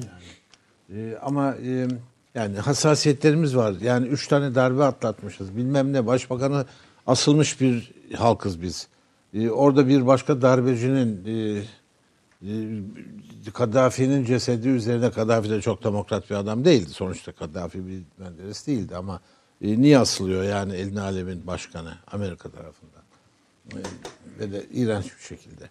E, Dolayısıyla Hafter'i oraya geri getirirlerse Rusyasıyla Amerika Amerika yok o denklemde Fransa var. Fransa'sıyla ve Rusyasıyla e, Hafter'i Trablusgarp'e oturtulursa Hafter'in yapacağı tek iş var. Bütün bunların bedeli olarak. Türkiye ile anlaşmayı yırtıp atmak. Bu bizi tekrar e, Akdeniz'e hapseder mi? Bu bizi e, de facto bir şekilde aramalara devam etmeye sevk eder mi? Muhtemelen eder. Eder. Yani Sayın Daha çok silah göstermeye başlarız. başlarız. muhtemelen. Ama bütün bunlar sonuçta turist sayısını azaltır, efendim enflasyonu artırır, efendim doların stabilize olan değeri gene e, e, sarsılır filan. Ve e, sonuçta e, Sayın Erdoğan'ın İsrail'le normalleşmenin yolunu açan cümlesi de gürültüye gitmiş olur. Nedir o cümle hatırlayın. Bu eğer Doğu Akdeniz'den petrol gidecekse herhangi bir taraf Türk Avrupa'ya petrol aktaracaksa Doğu Akdeniz'den Türk eko- münhasır ekonomik bölgesinden geçecektir. Geçebilirler, otururuz konuşuruz dedi. Yani bir davet de sayılır diyorsunuz. Tabii yani. Ama bütün bunlar havaya gider. Eğer e, Hafter orada bir şekilde iktidarı ele geçirecek olursa. E, bir başka şey var. Tabii Rusya biz şeyi de garanti edemiyoruz. Yani Filistin yönetimi şu anda gayet net bir tavır içinde bu barış anlaşması konusunda. E şimdi biz varsayıyoruz ki bu bu tavır Devam devam, edecek edecek. Varsayıyoruz. Evet. En şüpheli kısım bence bu. E, di- Diğer Arap ülkelerinin tavırları da e, şüphelidir. Evet. Şeye karşı çıkanlar değil, yani, e, anlaşmaya karşı çıkanlar açısından söylüyorum ben. Kimse burada stabil kalmaz bence. Vallahi Anlaşmaya karşı çıkanlardan kastın. Ne İşte 2-3 tane ülke. kendi ifa- ifademe Yani kendi ifademe çok fazla bir şey yok. Yok canım. Bir parantez açayım. Bugün e, e, Filistinli bir öğrenci, genç öğrenci arkadaşla e, ders arasında bu meseleyi konuşurken çocuk dedi ki hocam ben size söyleyeyim. Sonunda Filistinliler de bu anlaşmayı kabul eder. Etmeyen tek ülke Türkiye. Tek millet siz olarak kalırsınız dedi çocuk. Yani parantezi kapatayım. gibi. Olabilir tabii de yani orada bazen tek kalmak da mümkün. Yani o, o da bir şeydir. Kötü bir şey manası vardır ama bunu bunu bilerek hareket etmek ayrı bir Ama şeydir. mesela eğer Rusya- alarak hareket etmek ayrı. Demin konuştuğumuz gibi e, İngiltere'yi falan da yanına alıp da bir şekilde Suriye'de e, Suriye'nin bölünmesini önleyecek bir formüle kavuşur, kavuşturursa Suriye'yi bu Türkiye açısından çok iyi olmayabilir. Şartlar çok iyi olmayabilir. Nedir o şartlar? Suriye'de demokratik bir yönetim kurulması. Eğer Suriye'de demokratik bir yönetim kurulmaz ise muhalif dediğimiz grup hükümeti veya en azından parlamentonun bir bölümünü paylaşmaz ise Türkiye'deki Suriyeli göçmenler geri gidemezler. Gitmezler değil. Yani gitmezler alıştılar ne güzel. Hiçbir şey alışmış değil. Adamlar çadırlarda yaşıyor. Tepelerine yağmur yağıyor, kar yağıyor. Tamam karınları doyuyor ama evde değiller. Hiçbirinin koltuğu, kanepesi bilmem nesi falan yok. Bir çadırın içinde oturuyor 4 milyon insan. Tamam çok güzel bir çadır. Kabul. Türkiye onları çok iyi besliyor. Çok doğru. Ama iletişimleri haber dinlemekten ibaret. E onlar yarışma dinlemek istemiyorlar mı? Onlar film dinlemek yani kendi ülkelerine gidemezler. Suriyeli göçmenler kendi ülkelerine demokrasi gelmez ise gidemezler. Bunlar bombadan Böyle kaçmış bir ihtimal adamlar. var mı? Demokrasi gelmesi. Hayır. Ha. Eğer Soçi anlaşmaları sonuna kadar uygulanırsa gelir. Anayasa yazılıyordu Cenevre'de. O anayasa demokratik bir an- anayasa olursa yani en azından hükümetimin beni tekrar bombalamayacağını bilirsem giderim.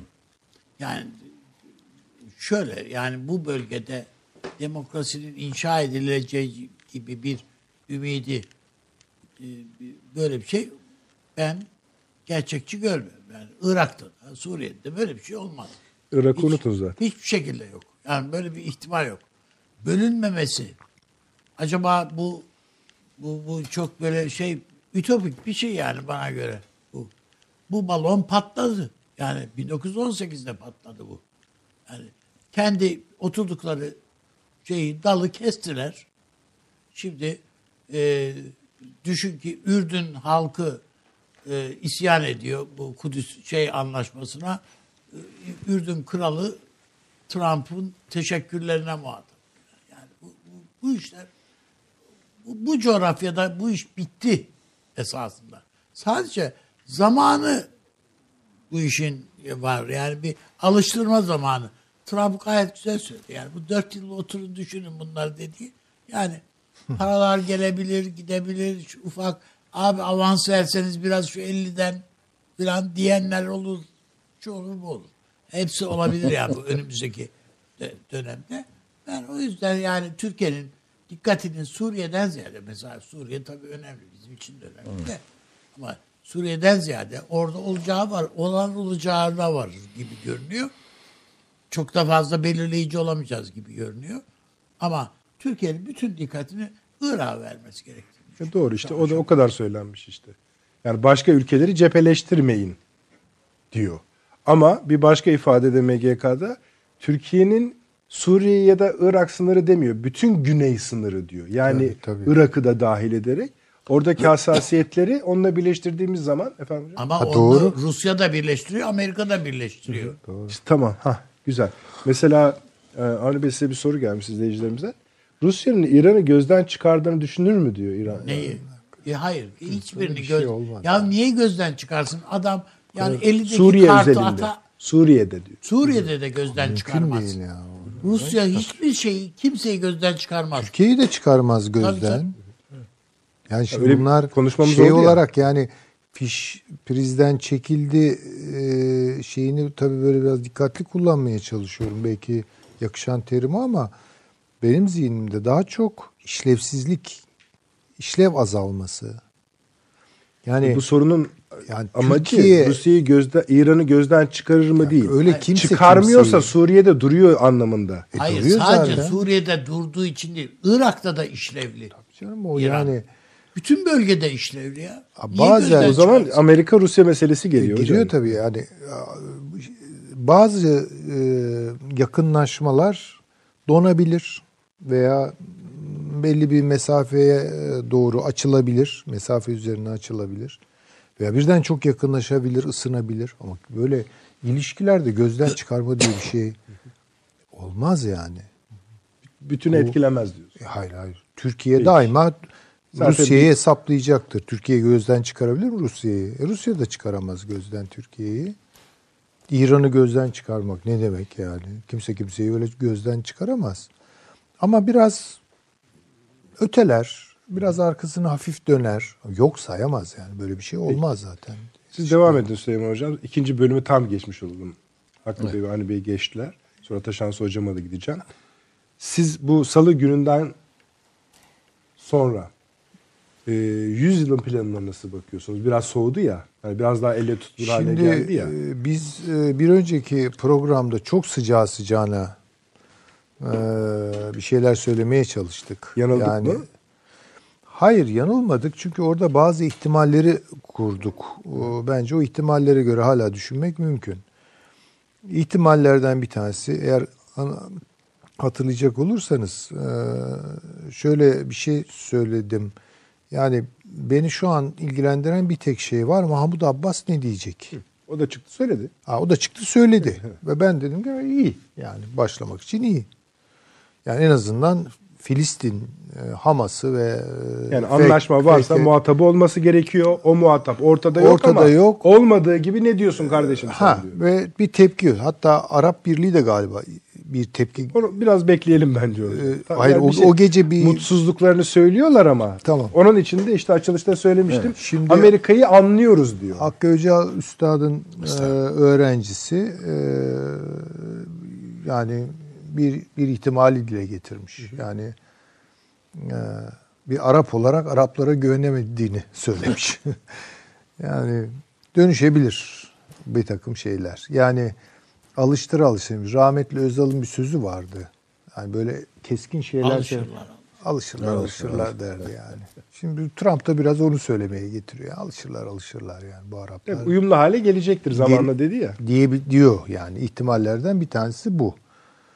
Ama bu tabii e, Arap kamuoyu yani siyasette hissiyatını ve ne diyelim e, taleplerinin karşılığını bulamayan büyük bir kamuoyu var. Şimdi hatırlayalım. E, Tayyip Erdoğan one minute dediği zaman Arap sokağı coştu. Coştu yani. Çünkü ilk defa istediği bir şey söylendi. Çünkü söylemiyorlar ki. Yani liderleri yanından Ha. geçmiyor diyor. Yani şimdi böyle bir kamuoyu var. Ve kendi liderlerinin ne kadar dirayetsiz, ne kadar teslimiyetçi, ne kadar çok özür dilerim ama satılmış adamlar olduklarını görüyorlar. Yani bunu gö- gören bir kamuoyu var. Yani şimdi Cezayir'deki sokaktaki adam e, Hama şey e, Gazze bombalandığı zaman valla böyle muhtat bir haber gibi bakıyor yani mutlaka üzülüyor, tepki duyuyor, ayağa kalkıp bir şey söylemek istiyor filan. Yani bu iş de eğer Filistinli yani davanın sahibi aslisi olan Filistin halkı direnişine devam ederse Arap sokakları bundan etkilenir. Bundan etkilenir. Eğer Türkiye tek başına da kalsa ama belli zeminleri de sonuna kadar zorlayarak bu sesi e, dışarı çıkarabilecek kanalları açarsa dünyada tablo değişir. Yani bunu görmemiz lazım. Onun için ben o gece de söyledim Türkiye'ye büyük iş düşüyor. Bu böyle kahramanlık yapalım, ön o, ayak olalım falan diye değil. Gerçekten üzerimizde böyle bir vazife olduğunu düşünüyorum. Türkiye'nin üzerinde böyle bir vazife var.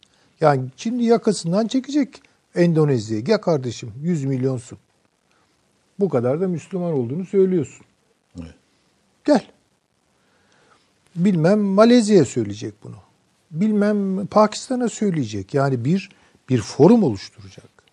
Birleşmiş Milletler'in kapısını çalmak gerekiyorsa kapısı çalınacak. Hatırlayalım yani o Kudüs meselesini yüzüne çarptık Amerika'nın. Az boz bir iş midir o?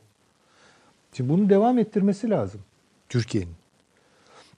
Ne yaparlarsa yapsınlar. Çünkü böyle teslimiyetçi siyasetleri e, işte alışıyoruz olur canım biraz bakalım edelim falan diyen adamları mahkum etmek bile belli adımları atarak çok önemli bir iş yapmaktır. Yarına kalacak olan şey budur. Ha, bu hayata geçirilir mi geçirilemez mi e, tereddütlerim var. Bakınız yani benim kişisel düşüncem belki biraz fazla kötümserler kulübü e, mensubiyetim ortaya çıkıyor ama bazı şeyleri zaten kötümser demeyeyim ama karamsar düşünmezsek anlayamıyoruz. Yani çok iyimser düşünerek bir şey anlaşılmaz bence. Yani niyetler İyimser falan- düşünme konuyu bağlar aslında. aslında iyimser düşünmek e, biraz düşünmekten vazgeçmek falan gibi bir şey. Sonuca bağladığı için Evet yani. Çünkü karamsarlar ısrar eder. Hep böyle bir başka tarafını görelim falan gibi. Ee, bu coğrafya yani Suriye'siyle, Irak'ıyla, e, Filistin'iyle yarın buna Libya, işte Cezayir inşallah olmaz da yani eklenebilir tabii ki. Bu coğrafya, bu Arap yoğunluklu coğrafyanın şöyle bir e, kadersizliği var diyelim. E, şimdi mesela Hakkı Öcal Üstad dedi yani demokrasi gelebilir mi? Şimdi demokrasinin imkanları e, bir noktada toplanıyor tarihi tecrübe açısından. Kültürel meselelerinizi rafa kaldırırsanız demokrasiyi siyasal bir proje haline getirebilirseniz bir dereceye kadar sürdürülebilir bir demokrasi yakalarsınız. Çünkü kültürle de siyasetin ilişkisini, demokrasinin ilişkisini kurduğunuz takdirde çözümlenemeyecek problemleri masaya koyuyorsunuz demektir. Yani bunlar kan davalarıdır. Dinsel sahipli, etnik sahipli, kabile üzerinden bilemem yani çeşitli e, boyutları var bunun. E, entelektüellerin yaptığı spekülasyonlara da biraz mesafeli olmamız lazım.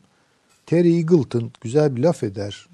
İronik e, yazan bir adamdır. Yani o, ben çok e, doğrusu e, beğenirim onun yazdıklarını. Zekice kaleme alır.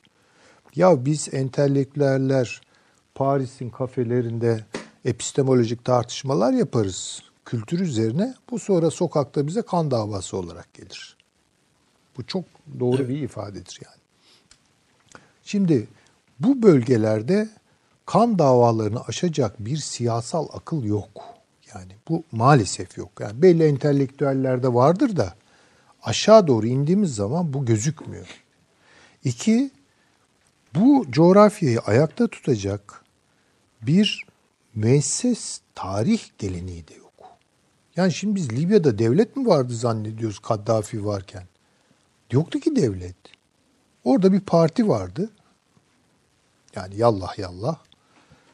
Partitokrasiyi devlet yerine koyduk yani. İşte Mısır'da partitokrasi vardı yani bu devlet değil ki. Suriye'de partitokrasi vardı. Bu partitokrasiler hakikaten böyle deniz kumuyla yapılmış inşaatlar gibi dökülü verirler yani. Döküldüler zaten altından da bir şey çıkmadı kan davalarından başka. Şimdi bu kan davalarını tekrar demok reddetmedi. Bir kere çıktı. Pandora'nın kutusu açıldı. Onlar yani bu konmaz öyle yani tekrar. Bunlar üzerinden demokrasi inşa etmenin imkanları nedir? Valla en böyle hani eh yani iyi kötü diyen işte Lübnan'dır. Lübnan'da bütün kan davası malzemesi ortada. Bir parlamento bütün kan davasının tarafları doluşmuşlar. E, Lübnan'da hiçbir şey olmuyor. Yani birbirlerini durduruyorlar en fazla yani. Hocam çocuklar bir oyun oynarlar ya böyle tıp derler. Ha, öyle Olduğu kalmış yani bir şey yapılmaz ki orada yani bir altyapı yani bir, bir siyasi karar alamazsınız kolay kolay orada. Yani Tabii onun için elitler görüşür, o parlamentoya gider. tabii yani şimdi Suriye'de Nusayrilerle Sünnileri tekrar bir arada yaşatabilecek ne olabilir? Veya Şiilerle Sünnileri Irak'ta nasıl tekrar bir arada Hocam iyi bir parlamento aklımdaki demokrasi derken yani illa hükümetin gayet böyle eşitlikçi, temsili bir şey olmasını ben de beklemiyorum. Hayal yani. Ee, ama en azından değişik etnik grupların, mezheplerin, meşreplerin e, derdini kanalize edebileceği bir parlamento ve ülkenin de bölünmemesi. Bölünmemesi derken de açıkça söyleyeyim bir Kürt devletinin kurulmaması. Tabii. Yani Tabii. Kü- Kürt lafını tırnak içinde kullanıyoruz. Bin kere söyledik doğru. yani bu e, Suriye'de PKK demektir. E, Irak'ta Barzani demektir. İkisi de temsili değil. Bölgedeki Kürt insanları temsil eden rejimler olmazlar. Ama Amerika'yı temsil eden bir devlet kurulur oraya. İsrail'i temsil eden bir devlet kurulur ve bu Türkiye'ye ilelebet rahatsızlık verir. Yani e, bilmiyorum yani Osmanlı bölündükten sonra bile bu kadar uzun vadeli, bu kadar derin bir rahatsızlığımız olmadı bizim. Şimdi bu doğru tespitiniz de üstadım. Yani izin verirseniz ben bir Çok şey kısa hocam. Evet kısa söyleyeyim. Ee, bir risk de şurada var galiba. O buyurduğunuz parlamenter e, temsiliyet üzerinden de bölünmeyi çok kolaylaştırıcı unsurlar ortaya çıkıyor. Irak'ta bunu yaptılar mesela. İşte Cumhurbaşkanı şunlardan olacak, bilmem kim bunlardan olacak. E olacak ama yani işte kuzeyde e, ayrı bir yapı çıkıverdi ortaya. Yani bu bütünleştirmiyor, birleştirmiyor insanları. İnsanlar ancak kan davalarını rafa kaldırdığı zaman ortak bir şeyleri konuşabiliyorlar. Ama bunlar bir kez Pandora'nın kutusu açıldığı zaman bunu geriye çekmek çok çok zor. Ve ben Orta Doğu'nun yani bu ifade bile e, dilime batıyor ama söyleyeyim yani işte Orta Doğu diyoruz. Bu bu coğrafyanın istikrarsızlık içinde yaşayan ve yaşatılan bir coğrafya olma mahkumiyeti aldığını, bunun biletinin cezasını kesildiğini düşünüyorum. Daha devam eder demek. Ha, dolayısıyla bir kaos yöneteceğiz. ne Cenevre bakın, ne Berlin, ne şu, ne bu. Bin tane konferans bu işin hakkından gelemez. Zaten çözüm için başka yerlerin konferanslarına hala devam ediliyorsa Tabii canım, bu o- iş biraz da böyledir. Evet, Peki. ya bu do- dolayısıyla kaosu yönetmede kim daha e, baskın hale geliyor? Konuşalım bir biraz çok daha. özür dilerim onu da söyleyeyim hemen kapatacağım. Ee, bir parlamento kurulur Suriye'de ve orada bir kanat Kürt kanatı olursa tehlike devam ediyor demektir. Yani Her şey Irak'ta da göreceğiz Evet. gibi gözüküyor. Milli Savunma Bakanlığı'nın bir açıklaması var efendim. Biliyorsunuz bir Yunanlı milletvekili parlamenter Türk bayrağını yırtmış idi. Şöyle diyor Milli Savunma Bakanlığı. Bayrağımıza saldıran şımarık çocuklara al, sancağı, al sancağımızın gücünü göstermeye devam edeceğiz. Kısa bir açıklama. Zaten fazla Ama sancak diyor, bayrak demiyor. Sancak ordunun önünde gider. Onu orası düşünsün. Siz niye heyecanlandınız? Ya çok güzel açıklama yani. o Askeri açıklama- tehditte bulunmuşuz. askeri tehdit. Ve yani bundan da yapıyoruz. Devam ed- Bu de- denize Ben, ben bugünlerde bu Yunanlılara bazı şeyleri açık açık söylemek lazım. Yani bakarlar lügatte sancakla bayrak gibidir. Yanlış anlarlar. O sancak ancak bir askeri Tercüme birliğin önünde bunların. gelir. Yani Esasında Yunanistan'ın bu, bugünlerde bir Şöyle bir şey var. Ben bu Sersemlik var. bayrağı yırtan adamın yurt dışına çıkmasını yasaklamışlar. Bu zaten parlamentoda da böyleymiş. Avrupa'ya gitsin diye de milletvekili seçmişler. Yani mecliste yani Yunan meclisinde de böyleymiş.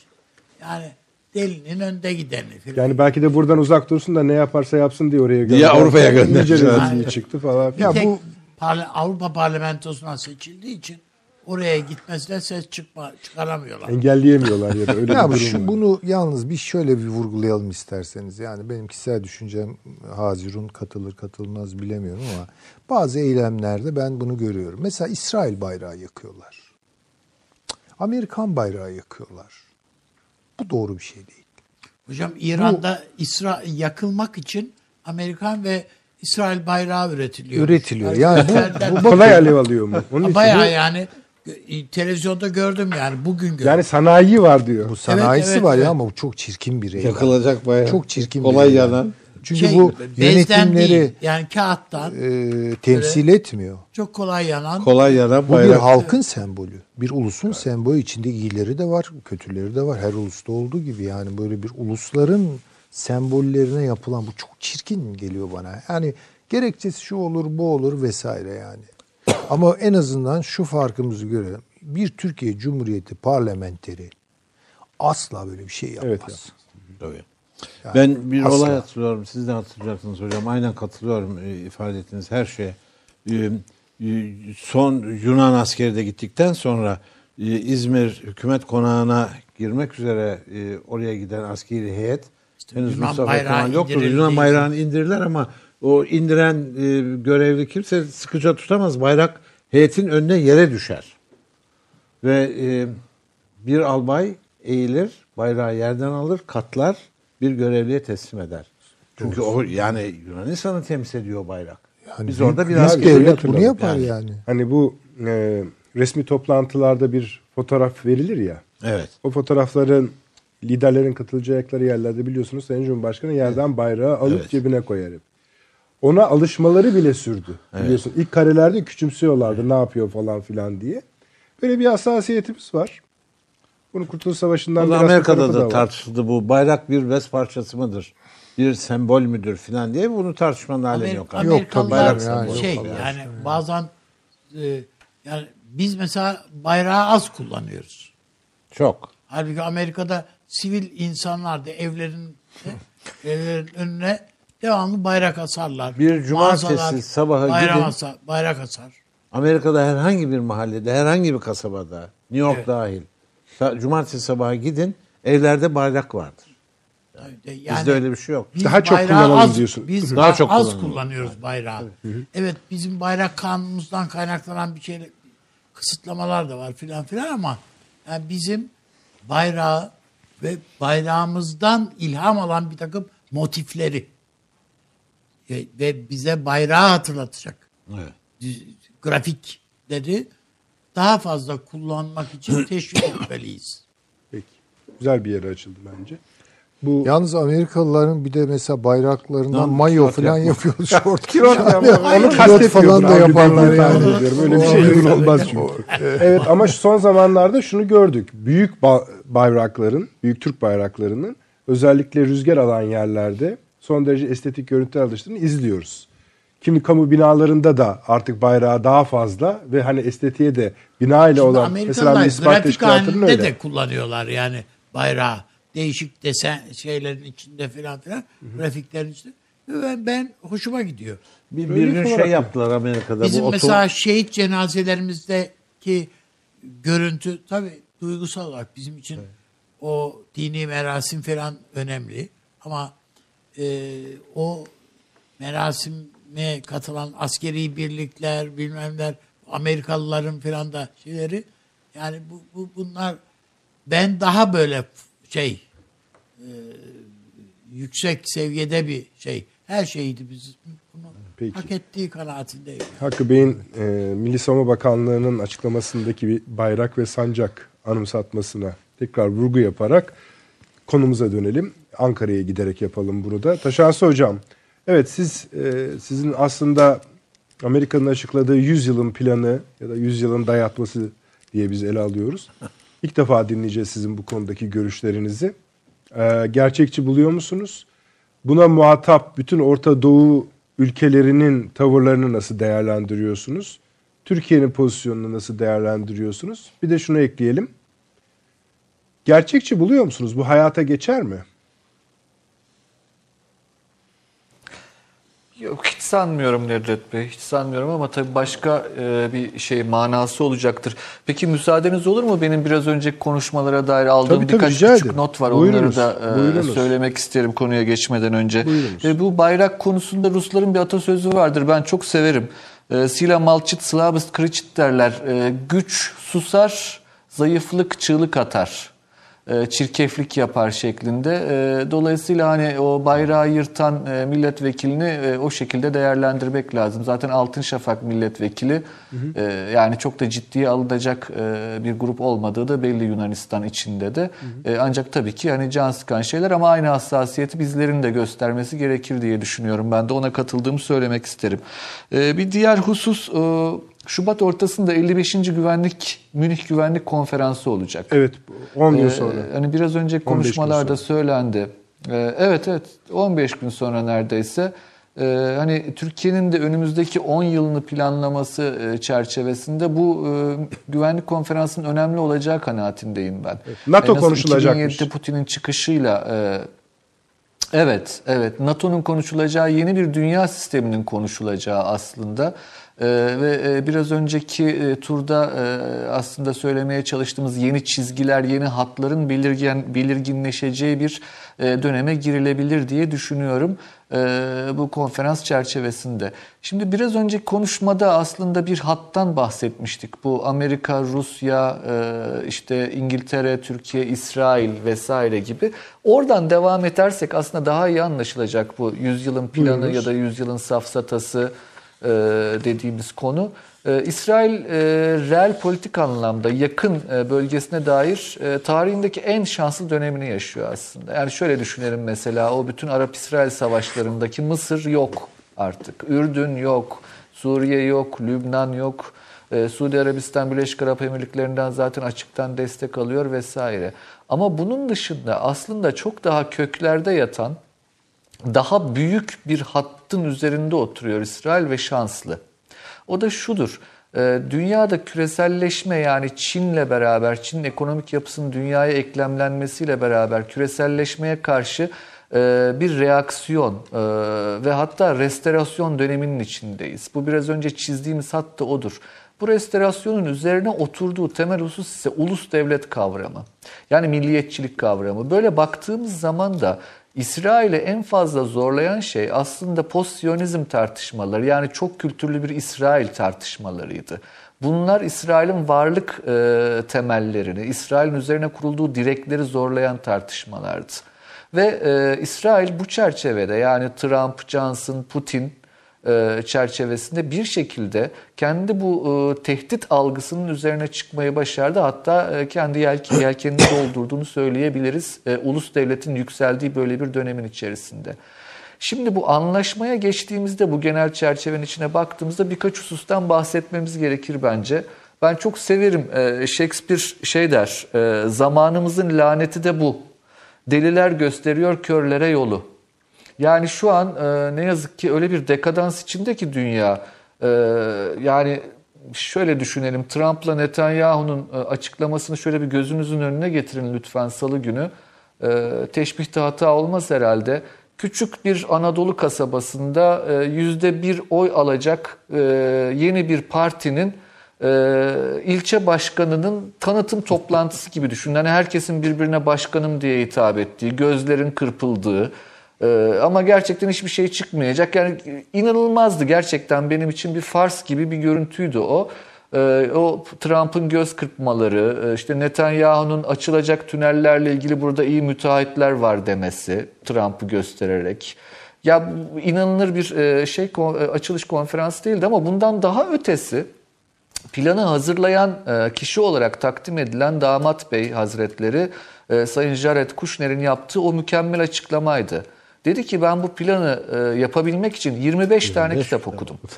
Ee, yani efendim şimdi bu ya içler acısı bir durum gerçekten insanlık adına. Ee, çünkü ne kadar kaygılanmamız gerektiğini gösterir aslında dünyanın gidişatı adına. Ee, ve aslında başka bir şey daha gösterir. Şimdi şöyle söyleyelim hani e, her coğrafyanın Yahudisi bir şekilde o coğrafyanın kültürel, e, siyasal e, öğelerini temellük eder. Yani ne bileyim mesela Rus Yahudileri daha entelektüeldir ama siyasette daha şiddete meyyaldir. Jabotinsky gibi mesela yani İsrail'in kurucu babalarından. E, ya da bugün işte e, evimiz e, İsrail Partisi'nin başkanı olan e, Liberman gibi. E ne bileyim işte e, Fransız Yahudilerine baktığınızda daha e, yaşam gustosu olan insanları görürsünüz. E, Türk Yahudilerine baktığınız zaman hani Anadolu'nun özelliklerini onlar da taşır. E, çok entelektüel çıkaramazlar. E, bilmezden gelmeyi bilirler vesaire. Amerikan Yahudilerine de baktığımızda Amerikan temel özelliği olan cehaleti görüyoruz aslında. Yani bu Jared Kushner'in yapmaya çalıştığı plan tam da buydu galiba. Şimdi bu planla, plana dair de bir nereden çıktı bu iş, nasıl geldiği bir iyi analiz etmemiz gerektiği kanaatindeyim. Ee, şimdi Trump şöyle açıklamıştı. Biz öyle bir plan sunacağız ki bunu bir kere takdim edeceğiz ve hem İsrail tarafı hem Filistin tarafı ya onaylayacak ya da gündemden çıkacak. Bahsedilen plan buydu. Ve bu planın içeriği konusunda ben ısrarla şunu söyledim hep. Netanyahu bu plana destek olmuyor. Ve e, işte 25 kitap okuyan e, Kibitzer dediğimiz Yidiş dilinde çok bilmiş e, Kuşner'in siyasetin gerçeklerini nasıl toslayıp Netanyahu Hocam, tarafından kendi planının ne hallere getirildiğini gördük aslında. Buyurun devam ee, edin yani hocam. şundan çünkü gerçekten 25 25 kitap okumuş bir insana olan e, saygımdan mütevellit bunlar da. Tabii Onu tabii. Hatta bizi de utandırdınız. Istiyorum. Ben kendim için söylemiyorum. Buradaki hocalarımızın hepsi Orta Doğu ve krizler hakkında kaç 25 kitap okudular. Daha bakın hepsi oturuyor bir plan yapmış değiller Ama yani. sayamadık biz yani. Sormayın. Hani Sormayın gerçekten. 25 mi 27 mi? Bilmiyorum. Çalışmıyorsunuz Avni abi bak. Peki buyurunuz hocam. Hep, hep, hepimizin ayıbı aslında gördüğünüz gibi çalışkan e, çalışkan gençler var. Şimdi bu plan e, büyük ihtimalle olan o ki Trump'ın kafasındaki o iş adamı refleksiyle her sorunun çözülebilir olduğuna inanmak gibi e, bir refleksle e, yapılmış bir plan. Ha, bazı sorunlar vardır ki gerçekten çözülemez. Hele adilane çözümünü bulmak çok çok zordur. Trump buna girdi, ben bu işi yaparım dedi ve kendi Amerikan aklıyla daha çok kültürlü bir İsrail, geçişken kimlikler ve tam belirli olmayan sınırlardan oluşan bir plan isterken Netanyahu'nun dayatmalarıyla bu iş buraya geldi ve iki devletli çözümü Netanyahu kabul ettiğini söyledi vesaire. Planın detaylarına biraz sonra gireceğim ama bu plan şunu kabul etmemiz gerekir. Kushner'in planı değil. Hı. Kushner'in yola çıktığı plan değil. Bu plan Trump'ın yola çıktığı plan değil. Ee, ve açıklama şekli itibariyle de zaten kendileri itiraf ettiler. Dört yıllık bir tartışmaya sunulan bir taslak haline aldı. Plan kimin Halbuki planı Biraz hocam? önce de söyledim. Planın özelliği e, bu plan Netanyahu'nun planı. Bu plan e, Trump'a seçim öncesinde oy kazandıracak. Netanyahu'nun yolsuzluk soruşturmalarında elini kuvvetlendirecek. Asla uygulanma ihtimali olmayan, şöyle söyleyelim bir anlaşma şekliyle uygulanma ihtimali olmayan fakat Netanyahu'nun bile hayalini kuramayacağı bazı hususları dayatma yoluyla bir şekilde gündeme getirip dünya kamuoyunu alıştırmaya çalışan bir metinden ibaret aslında. Şimdi e, biraz önce söyledim ya yani her coğrafyanın e, Yahudisi kendine bir şekilde benzer diye. Mesela düşünün e, Avusturyalı bir Yahudi olan Freud Amerikalılardan hiç hoşlanmazdı. Sebebi kendisine ön ismi olan Zygmunt diye hitap edilmesi değildi sadece. Bir kini vardı benim imparatorluğumu yıktılar derdi o. Avusturya Macaristan İmparatorluğunu yıktılar ve e, dünyada verilmiş zannediyorum en sert cevabı verdi buna. Wilson biyografisini yazdı. Yani bu bizim de bildiğimiz Wilson prensiplerini getiren Osmanlı İmparatorluğu'na da hiç hayırhah duygulara sahip olmayan Wilson'ı e, sizin kullandığınız tabirle söyleyeyim yerin dibine gömen bir biyografidir bu. Şimdi e, Amerika'dan gelen planda herhalde o seviye çerçevesinde bu kadar bir manifesto ya da iddianame şeklinde gelebildi. Bir iddia içeriyor. Bu planın içeriğine baktığımızda şu. aslında bir Filistin devleti yok. Adı var. Ee, işte Trump her ne kadar toprak, e, topraksal e, bütünlüğü olduğunu söylese de tünellerden, viyadüklerden oluşan bir bütünlük. Ee, bu kabul edilebilir değildir tabii ki İsrail açısından da Filistin açısından da. Ee, efendim Batı Şeria'nın çok önemli bölgelerini, büyük bir kısmını İsrail'e veren bir plan ve burada Netanyahu'nun açıklamalarını ben insanlık tarihi adına çok utanç verici buldum. Tevrat'ta bu, bu yerler geçiyor dolayısıyla bizim doğal hakkımızdır diyebildi. Yani bakın bu e, inanılır bir şey değil gerçekten. Ve e, göçmenler yani Filistinli göçmenler sorunu artık onlar yok bu plana göre. Onların hiçbir hakkı yok ve Kudüs evet, evet. başkent olarak e, İsrail'e veriliyor ve Kudüs'ün başkent olarak verildiği bölgenin tamamı yani eski Kudüs orası dört çeyrekten dört kuartırdan oluşur. Katoliklerin de kutsalıdır. Ortodoksların da kutsalıdır, Ermenilerin de kutsalıdır, Müslümanların olduğu kadar. Ve buna ben Katolik dünyasından da önemli bir cevap geleceğini, aslında hiç hoşlanmadıklarını düşünüyorum bu planın. Ee, özellikle Kudüs'e dair bu kısmından dolayı. Peki efendim bu plan uygulanabilir mi? Zaten uygulanması için ortaya konulduğuna inanmıyorum biraz evet. önce söylediğim gibi. Bu plan en fazla Netanyahu'nun e, işine yarayacaktır yolsuzluk soruşturmalarına dair. Ama dünya kamuoyunda alıştırma planıdır. Ee, zannediyorum ki e, burada da hani baktığımızda mesela Haaretz gazetesi e, İsrail'in büyük gazetelerinden bir tanesidir. E, dünkü manşeti bence çok önemliydi. E, bu hem İsrailler hem Filistinliler için çok tehlikeli dedi.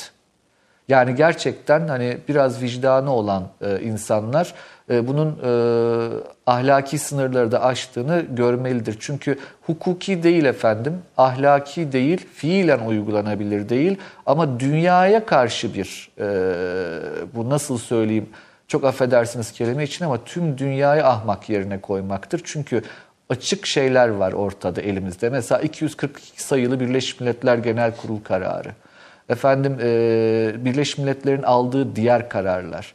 Dolayısıyla bir devletin tutup da tüm dünya kamuoyuna ben sizin hiçbir e, koşulunuzu tanımıyorum ve Birleşmiş Milletler'i oluşturan temel maddedir. Savaş yoluyla toprak ele geçirilemez. Bunu da tanımıyorum demesi aslında tüm dünya kamuoyuna karşı açılan bir e, cephedir. E, bunların işlenebileceği kanaatindeyim. Nasıl işlenebileceğine dair de ufak bir e, sadece fikir söylemek isterim. Buyurunuz. E, biraz önce söylendi. İslam Konferansı Örgütü çerçevesinde evet bunlar yapılabilir ama çok daha etkili bir yol vardır. 1967 Harbi'nden sonra Güvenlik Kurulu'nun tıkanması üzerine yani Amerika ve Sovyetler Birliği arasında tıkanması üzerine genel kurul göreve çağrılmıştır. Birleşmiş Milletler Genel Kurulu. Bakın bu nadiren uygulanabilecek ancak yapılabilecek bir e, çalışmadır.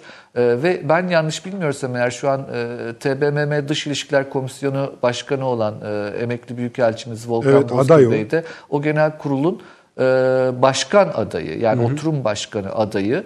E, eğer mümkün olursa mesela bu da kolaylaştırıcı olacaktır.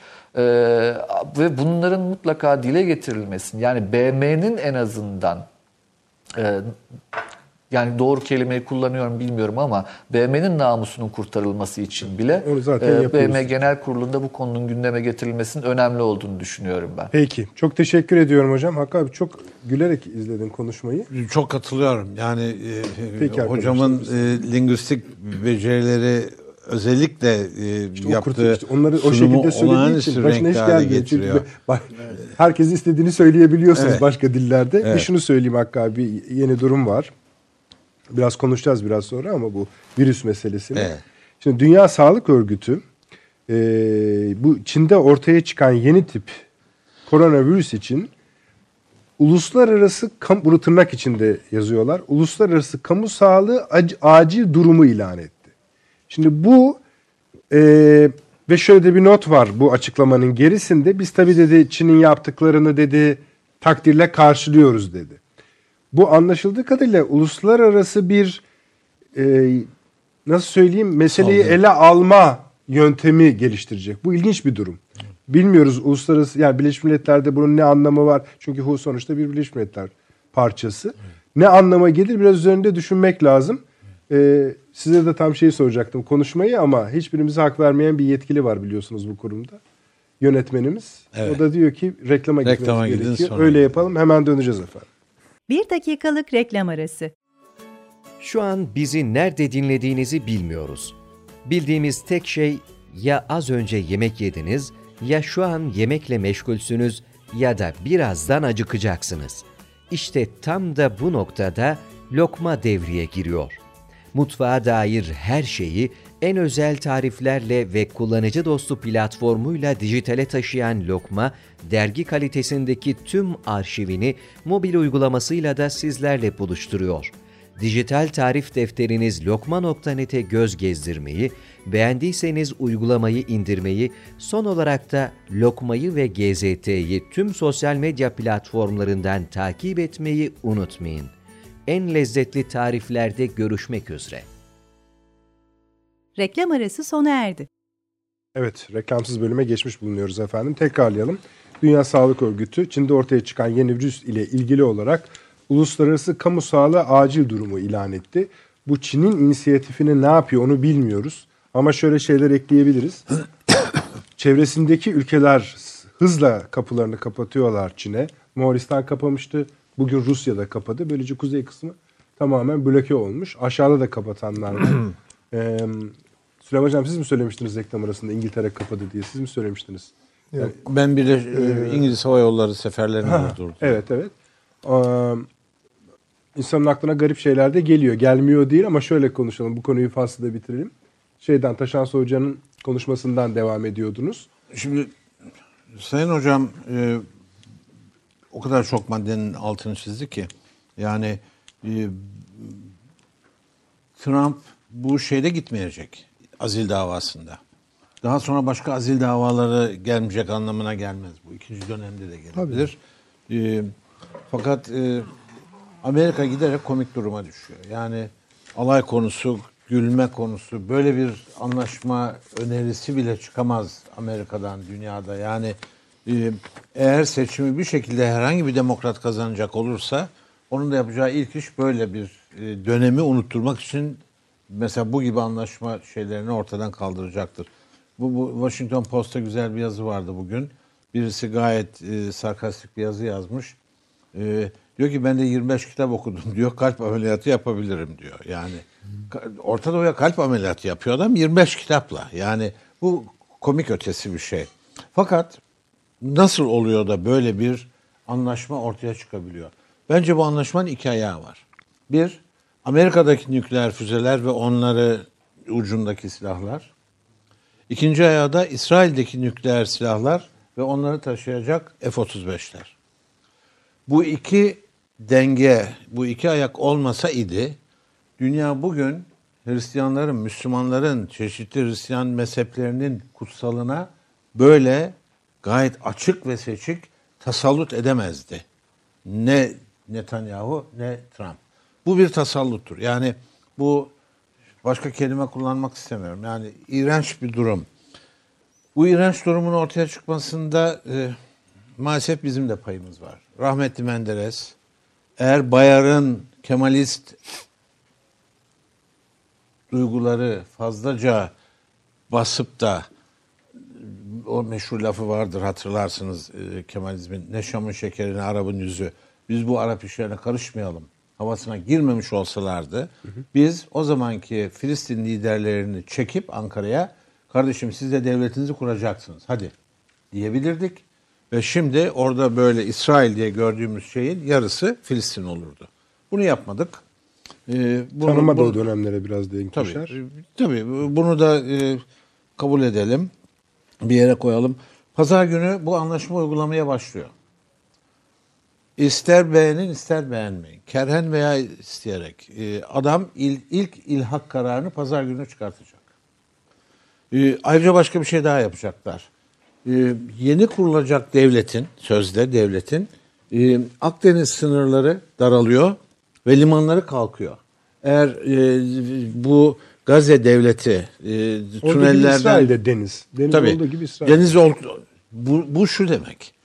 O denizdeki bütün gazlar İsrail'in olacak. Tabii. Yani Filistinler oradan bir çakmak gazı, çakmak bile dolduramayacaklar o gazla. Yani korkunç planlar var. Bu hakikaten asrın planı. Bu plan e, bir yüzyıl önce uygulanmaya başlandı. Sykes-Picot anlaşmasıyla. Sonra Amerika onu işte meşhur Wilson devraldı e, bu şeyi e, Orta Doğu'nun anahtarını Churchill'den ve e, bugüne kadar geldik. Buradan sonra nasıl çıkabiliriz? Hocamın önerisi doğru. Birleşmiş Milletler biz unutmayalım. Yani daha şurada üç gün, e, bir yıl önce bütün İslam alemini İstanbul'a topladık ve Amerika'ya hayatında atılan en büyük tokatı attık. Kelimeler itibariyle. Yani ona benzer bir toplantı tekrar yapılabilir. Bunlar dünya kamu kamuoyları Gelirler üzerinde- mi diyorsun yani yine? Kerhen veya isteyerek gelecekler. Çareleri yok. Yani e, çağrıldığı zaman gelmek zorundalar. Ya da birlikten çıkacaklar. Yani ne diyecekler? Biz e, Kudüs'ü istemiyoruz. Kudüs Hayır bir araya gelirler mi? Gel, gelirlerse ne istiyor? Erdoğan çıkartıyor o kararı. Yani onları bir araya getirirse Sayın Erdoğan o kararı çıkarttırır oradan. Arap Birliği'nden çıkmaz. Ama İslam İslam, İşbirliği- İşbirliği'nden çıkar. o ya. Tabii. Neyse Oradan- abi, Yani tamam. sanki mecburlar gelirler gibi söylüyorsun. Adam bir, iki gün önce, bir hafta önce e, Netanyahu'nun katıldığı toplantıda bu yüzyılın planının açıklanmasına katılmış. Orada alkışlamışlar. Birleşik Arap Emirlikleri. Tabii bütün büyükelçiler en ön Ondan sırada bilmem oturuyorlar. Büyükelçiler Ne- Trump onlara ne- ne yönelik şaka yapınca da söyleyecek kıkır diyorlardı yani. Hoşlarına gidiyordu. Hocam ne güzel şeylere dikkat et. Yani o Trump'ın böyle ne haber hallettik değil mi dünyayı iyi becerdik değil mi diye göz kırpmaları, işaretler bilmem neler, eller böyle filan. Ha hadi nasıl alkışlarken bravo alkışlar filan jestler. Ee, bir de e, bu Jared e, çocuğun e, bir lafı oldu. Yani bir, bir Müslüman olarak bana koydu. Bir Arap olarak ne yapar insana tesiri bilmiyorum. Siz hayatta önünüze çıkmış en iyi fırsatları kaçırma fırsatını fırsatı hiçbir zaman kaçırmazsınız dediler. Yani siz hiçbir şeyden anlamazsınız. İki, 48'de kaçırdığınız fırsatı bari bu sefer kaçırmayın Kaçır- dedi adam. ama siz diyor fırsat kaçırma fırsat kaçırma fırsatını hiç kaçırmazsınız diyor. Yani Ee, bir de bu anlaşmayı şimdi kabul etmez iseniz diyor Jared e, El Cezire'ye verdiği için, sizin bir devlete sahip olma yetkiniz, yeteneğiniz, beceriniz olmadığını anlayacağım diyor. Anlayacağız diyor. Yani bunlar yani Filistin halkı herhalde e, tarihlerine yazacaklardır. Biz böyle hakaretlere uğradık zamanında diye. Onlarda bir rahatsızlık gözükmüyor ki hakikaten. Yani Yönetimlerine baktığınızda. Vallahi benim sınıftaki çocuk son derece rahatsızdı. İşte Bu lafları tamam, düzgün onu- etmedi. Ederken gözleri doldu olanın. Ee, Mısır'daymış. Ailesi Mısır'da oturuyormuş. Babası orada kapıcılık yapıyormuş. Yani dedi e, o toplantıda bir şey vardı. Hocam onun da altını çizdi. Bu, bu 6 milyon Filistinli artık bir daha asla İsrail'e dönemez. Bitti o iş. Bu şu demek diyor hocam diyor. Ben kız kardeşlerim, babam, annem, büyük annem hayatta diyor. Biz bir daha asla Filistin'e gitmeyeceğiz. Gidemeyeceğiz. Bunu kapatalım. Evet. Bir şey söyleyeyim. Yani Evet. bu bu tablo e, işte hepimizin görebildiği bir tablo. Ama e, buna ilaveten bir şey söyleyecektim.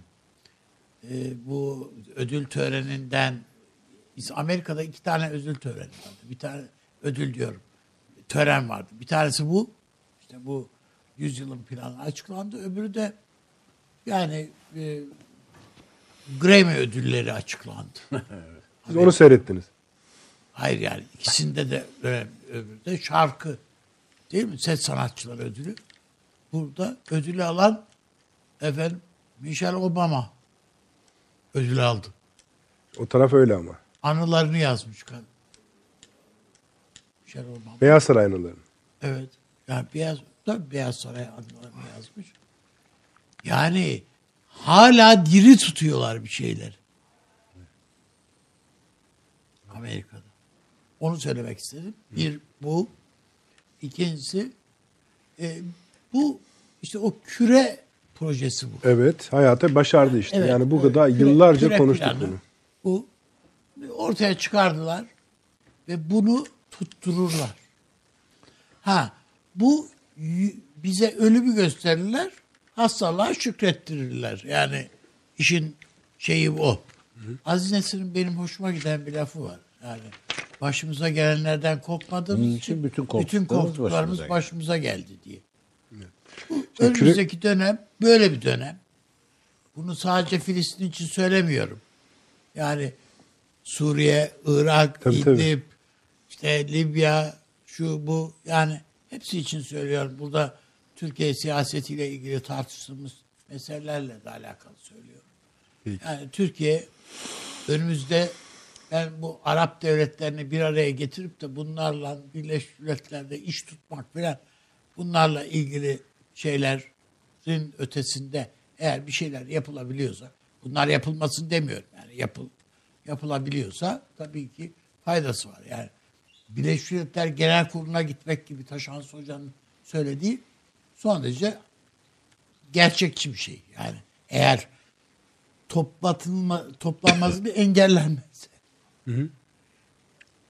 Yani engellenir diye düşünüyorum. Yani bir şekilde Amerika buradan ne karar çıkacağını bilir yani. İsrail buradan ne Evet. karar çıkacağını bilir. Daha önce düştükleri çukura bir daha düşmezler. Ama şöyle bir faydası olabilir tali olarak. tabii. Ga- garip bir yere pas atacağım ama Libya sorununun çözümünde e, Birleşmiş Milletler Barış Gücü'nü ya da Birleşmiş Milletler Güvenlik Konseyi'nin kullanılması gerektiğini söyleyen bazı partiler şimdi mesela bu durumu görebilirler. Şimdi mesela onlar öyle Dedi- demiyorlar. Ha, Birleşmiş tabii, Milletler'e götürün demiyorlar ben hani- mesela bunu. Ben e, Taşansı Hoca'nın önerisini yani e, o beşler e, komitesini aşıp efendim güvenlik konseyini bir tarafa bırakıp doğrudan doğruya genel kurulu göreve çağırma. Bunun çok gerçek doğru bir şey olduğu kanaatindeyim. Keşke yapabilsek. Hatta bunu da çok fazla seslendirmeden yani uyandırmadan yani o başvuruyu yapabilsek filan ve toplanabilse. Ama bunun e, mutlaka ve mutlaka Amerika tarafından hatta Rusya tarafından engelleneceği kanaatindeyim. Esasında yani Kesinlikle Birleşmiş yani. Milletler'in de bir şey söylemesi lazım. Yani çünkü E, şu- söylese ne olacak? ama da şey yani bir işte şey olacağından değil ama Birleşmiş Milletler şöyle kaç tane tahmin edersiniz e, İsrail-Filistin meselesine ilişkin Birleşmiş Milletler kararını eziyor? ya adam 25 kitap okumuş ya sen ne söylüyorsun? Yani bu çok şey değil yani. E, ama 700 700 o da doğrudur yani adamın umuru değil onlar yani. 25 kitap okumuş adam Evet, olacak? yani onlar umuru değil. Ama bir çırpıda Ama bu çır- 700 karar için dedi ki bugüne kadar yanlış yolda o cümleyi de yanlış söyledi. Yanlış yolda ısrar ederek yanlış bir sonuç aldılar. evet. Ve bu, hala bunda ısrar, bunu da reddederlerse yanlışta ısrar hak etmiş olacaklar. E tamam şöyle diyorum. Bütün burada bu tarihsel sürece baktığımızda bir şey görmek mümkün. El-Kaide nasıl doğdu? Neden doğdu kardeşim? Siyaset sonuç vermediği için doğdu. Eğer korkarım ki Filistin'de e, bir takım yani bu hepsi Mahmut Abbas yaşında insanlar değil. Yani Filistin'in içinde dışında bir yığın Filistinli insan var. Ve bunlar son derece yani Arap toplumunun en cevval, zeki, e, yaratıcı tipleri Fakat yani. İsrail bir polis devletidir Avni Hocam. Yani İsrail'de e, bir polise rast gelmeden E tamam, bir sokağın bir ucundan öbür ucuna gidemezsiniz. Yani tamam. ve çekip vuruyorlar biliyorsunuz. Anladım biliyorum. Ben biliyorum. Ama bunu İsrail İsrail veya da Filistin'in içindeki insanlardan hareketle söylemiyorum bunu.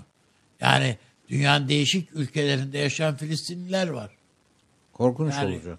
Ben bunun dünyada bir şiddet dalgasına da yol açabileceğini düşünüyorum. Ben de Bilmiyorum yani. Davet gibi adeta. Olur mu olmaz mı onu bilemem. Hani illa da olsa iyi Yok olur canım, anlamında da söylemiyorum. Ama oraya itiyorlar işte. Ama bundan başka bir çıkış yolu göstermiyorlar. Yani sen istediğin kadar Birleşmiş Milletler'e git, şuna git, buna git. İşte Rusya sana aman ha çok haklısın desin. Almanya ya gözünü seveyim ya filan filan. Hiç bunlar fa- hiçbirisi Filistin için bir çare bir şey değil. Ama bunu farklı değerlendirip harekete geçebilecek bir Başka takım ülkelerde, Filistinli başka gruplar olabilir. Yani Amerika'da yaşayan Amerika'da. Filistinler var. Almanya'da yaşayan var. İngiltere'de şurada burada yaşayanlar var yani. Evet. Öyle Süleyman. Hocam şey hatırlıyor musunuz? Küre Koalisyonu'nun tarihini. Mayıs 2017 idi. Yani yaklaşık İki sene. 200 200 nereden işte yani demek ki o kadar bunun ismini koymak da dahil olmak üzere Küre Koalisyonu diye. O kadar çok şeyi buralarda konuştuk. Ama işte parça parça parça bir yere de geldi. Ha bana sorarsanız Ama mesela kırılarak, hocamın dökülerek geldi. Yani bir ben o konuda böyle çok e, nasıl söyleyeyim e, gönlü ferah bir şekilde e, sürecin işlediği kanaatinde Yo, değilim. ben de tam yani. onu söylüyordum. Ben de sonuçta Taşansı Hoca'nın dediği yere varacağını düşünüyorum ama orada yapılan ülkeler arası tasnif her yere yansımaya başladı. Yani bir orada bir blok oluştu. O blok yaşamaya devam ediyor. Şu anda da cahil. İran sorununda aynı, Libya sorununda aynı ekip, Akdeniz sorununda aynı ekip, E, yüz- bu planda aynı ekip. Bakalım. Ama Peki, Suudi çok kısa- Arabistan e, hala çok belirsiz. Yani Diyorsunuz. Hay şimdi bu çok sürdürülebilir bir e, takım değil bu. Yani bu takım çok maç yapamaz. Yani belli maçları yapar ama yani çünkü baktığınız zaman Suudi Arabistan'ın hesapları bazen Çin'e kayıyor. Kralı zamanında öldürmediler hocam. Bu şey veliaht Bugünkü toplantıda bir şiddet eğilimi mi var? Bana mı öyle geliyor? Vallahi bilemiyorum. Yani bütün plan Suudi Arabistan planı yani Birleşik Arap Emirlikleri çok kolay çünkü veliahtı bilmem nesi her şeyi aynı kefedeler. E, galiba Abu Dhabi şeyhi hariç. Ondan ilgili bir, bir zihninizde bir soru işareti koyun lütfen. Ama Suudi Arabistan'da e, yaşlı kral kesinlikle böyle Amerika'nın suyuna gitmek, Filistin'i satmak falan gibi şeylere evet demezdi. Demezdi işte onu diyorum. demezdi. Adamı Ama- kenara ittiler. Cumhurbaşkanının başından beri kayırdığı Kaşıkçı vakasında da o aslında galiba biraz. Ama bakın Yani ad- adam ya devletlerin hayatında 10 yıllar, 20 yıllar falan çok önemli değil. Suudi Arabistan diye bir devlet Yok yarın zaten. dünyasında olmayacak. zaten yok. Ürdün diye bir devlet olmayacak. Yani bu Abu Dhabi'ydi yok bilmem neydi filan abuk subuk şeyler. Bunların hiçbirisi olmayacaklar. Butik şehir devletleri kalmayacak. Yani öyle tabii. Şöyle yapalım efendim süremiz daraldığı için. Bu virüs hakkında da çok kısa konuşup konuşup bağlayalım arzu ederseniz. Vallahi hocam son e, kontrolsüz virüs, ilacı bilinmedik virüs. Demin e, arada hocam çok güzel belirtti. 200 milyon kişi öldürdü. Oy. E, ve yani Meksika'ydı. çok kısa bir zaman Tabii, süresinde. E, eğer kolları sıvayıp da bu demin okuduğunuz bildirdeki gibi bir uluslararası olağanüstü durum ilan edilip e, 50-100 kişilik bir doktor grubu bir yerlere oturup hemen bir çare bulmaz Bence ise şunun bu metnin arkasına bir bakalım da. Bu çünkü bunların ne yapacağı belli olmaz. Kimisi diyor ki bu işte Çin'i tekrar mahvetmek için ikinci Yani bir Huawei çünkü öyle bir zamanlamaya Bilmem geliyor. falan. Hani bakmayalım o taraftan diyoruz ama geliyor işte yani. Mesela Avni Bey'e sorarsanız hikaye yani normal nezleden ölenlerin sayısı daha fazladır belki diyor. Yani ben mesela son yüzyılda yani son çeyreğimizde en büyük şey dalga Ebola'ydı. Müthiş bir virüs geldi. Evet. Eğer bunda ölenlerin ölenler ya bu bu çünkü şeyde bir antivirüs şeyde bulunamadı yani. Karşı Henüz. Şeyde bulunamadı uzun süre efendim ama bloke edildi. Bunda daha doğrusu ne olduğu belli değil bunun şu anda. Yani normal gripten de ölenler bir yeni insan var yani dünyada. Hala. Tabii. Yani bunun normalin ötesinde nedir bulaşı? Ama bu bir yani elbette hocamın filan da seslendirdiği gibi bizim Sağlık Bakanlığı filan da durup dururken alarma geçmiyor. Bütün dünyada var bir tedirgin bir duruş. Elbette vardır bir şeyler. Ama ben bunun e, hem ilaç sanayinin serum, yani bakma bu aşı sanayi çok güçlü bir sanayi. Vallahi. iyi üretiyorlar, iyi para ediyor. Yani bir dozunun 0.6 sent olduğu, a- e, 60 sent olduğu söyleniyor filan. Yani iyi para ediyor. Yani Çin bize uzak diye bir, bir sanki böyle bir rahatlık falan var gazetelerde, televizyonlarda. Çin bize hiç uzak değil. Değil tabii. Değil, Herkese yakın ben. uzak değil artık. Amerika'da. Kimse kimseye o kadar zaten. Şöyle bir açıklama var efendim. Yine konu değişmesin de. Ee, James Jeffrey Brüksel'de bir açıklama yapmış. Diyor ki e, Sayın Cumhurbaşkanı Recep Tayyip Erdoğan Suriye'deki durum hakkında son derece deneyimli bir liderdir. Kendisi bizim ortağımızdır ve NATO müttefikimizdir. Onun yanındayız. Kendisine Suriye'de Rusya Devlet Başkanı Vladimir Putin'e güvenemeyeceğini açıkça söylemiş idik. Şimdi sonuçlarını görüyor demiş. Bilmiyorum bizim baştan beri yaptığımız tartışmaların tam neresine düşer. Ee, ama biz virüsle kapatalım öyle yapalım. Ya Başar- bizi Amerika öyle ka- şey yaptı ki öyle silkeledi ki biz bu Putin'den medet umduk. Ummadık değil yani bunu görmek lazım. Yani Türkiye'nin eli ayağı kesik vaziyetteydi. Hava savunması yok. Yani böyle bir şey- noktaya sürüklendi Türkiye. Durup dururken bu S-400'ler bilmem neler ortaya çıkmış değil yani. Dolayısıyla elbette bir ihtiyat payı da tabiatıyla var. Ama hatırlayın bu uçak düşürüldüğünde, Rus uçağı düşürüldüğünde Türkiye'nin siyasi olarak yani başbakan seviyesinde Şey de diyor? Jeffrey, Ben, ben ben emir verdim düşürülsün diye dedi. Diyor ki bu diyor Suriye meselesi ulus ve bu 700 bin kişilik göç gerçekleşirse diyor bu hızla uluslararası bir krize dönüşecektir diyor. E, Onu söylemesine gerek yok. Onu anlıyoruz Keşke, zaten. tabii gayet tabii. Ee, son açıklamaları böyle. Bir Ankara'ya gidelim. Taşansı Hocam bu virüs konusunda sizin de fikirlerinizi alalım. Ee, Ben e, bir iki nokta daha müsaadenizle hemen ilk birer cümle daha eklemek isterim. Ee, Bir tanesi bu İsrail konusunda efendim şimdi iyi iyi izlemek lazım. Ee, Türkiye'nin elinde çok güzel malzemeler de var aslında.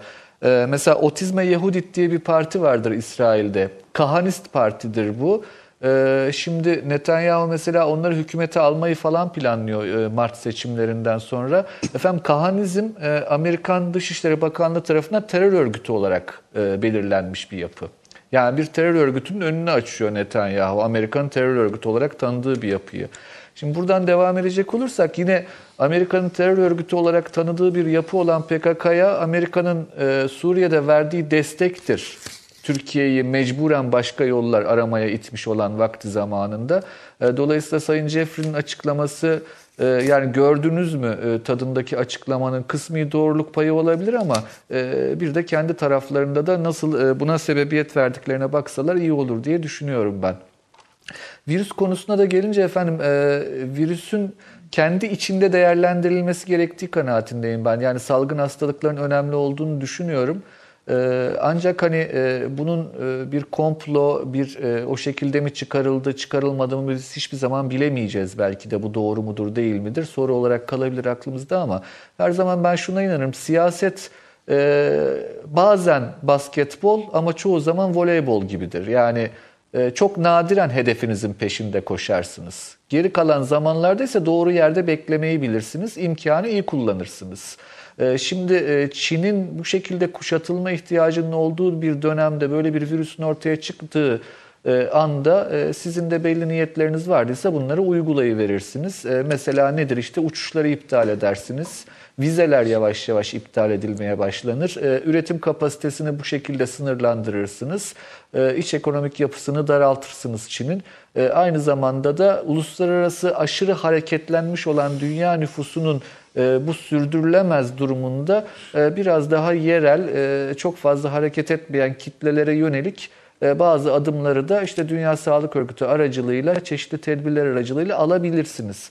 Bu e, baştan her şeyi sizin planladığınız anlamına da gelebilir. Basketbolda olduğu gibi ya da e, doğru yerde bekledim, e, smacı yapıştırdım voleybolda gibi de diyebilirsiniz. E, dediğim gibi bunu da zannediyorum ki hani e, çok uzun zamanlar bu soru sorulacaktır ama cevabını da bilemeyeceğiz diye düşünüyorum. Peki Taşansı Hocam bu sportif metaforlar için de teşekkür ediyoruz.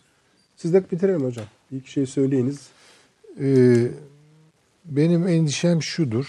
Ee, bir şeyin nicel artışı, onun nitel e, değeri konusunda e, bazı ne diyelim ona e, şaibeler doğurur. Yani mesela nüfus artıyorsa Yani önlenemez bir biçimde ve işte 7 milyar 8 milyar dünya bu nüfusu kaldırmıyor, kaldıramıyor gibi laflar ediliyorsa insan hayatının değeri konusunda da ciddi bir zayıflama olduğunu e, düşünürüm.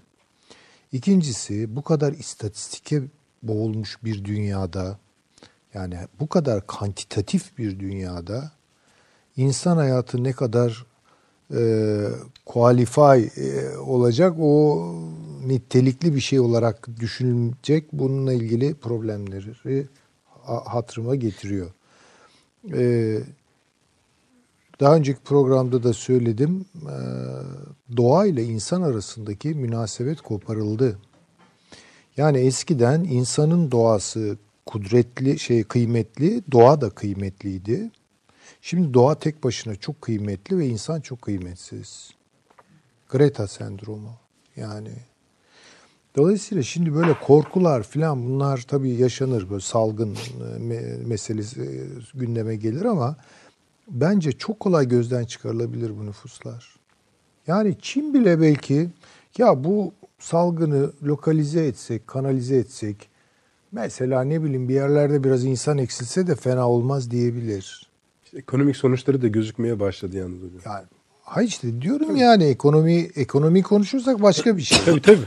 Ama bu ekonomi içinde insan bir yük olabiliyor. Çin mesela e, emek yoğunluklu sanayiden e, vazgeçti. Bu büyük ölçüde insan değeri biraz daha değer kaybetti demektir Çin'de. Yani demek istediğim bu. E, bunlardan endişe ederim. Yani iyi de oluyor, gerekiyor da. Yani bu meşhur e, iktisatçı Malthus'un ki nazariyesinin, teorisinin böyle tartışılmaya başlandı. Ya adam da doğru söylüyor ya fena da değil adamın söyledikleri filan gibi düşünüldü. Sosyal Darwinizmin de işin içine girdiği, her şeyin istatistike boğulduğu bir dünyada e, insan kayıplarına dair korkuların ve endişelerin de ön alıcı e, kapasitesinde düşmeler bekliyorum. Beni biraz da endişelendiren bu. Peki. Çok teşekkür ediyoruz. Avni abi çok sağ olunuz. Süleyman Hocam eksik olmayınız. Abi bak söylüyorum seyircilerin önünde söylüyorum. Arayı uzatıyorsun. Peki. Taşansı Hocam Ankara'ya selamlar. Eksik olmayınız. Bugün çok faydalandık söylediklerinizden. Çok sağ olun. Tekrar teşekkür ediyorum. Efendim en çok tabii size teşekkür ediyorum. Bir kere çok benim sesime katlanmak zorunda kaldınız ki ben bile şu anda katlanamıyorum.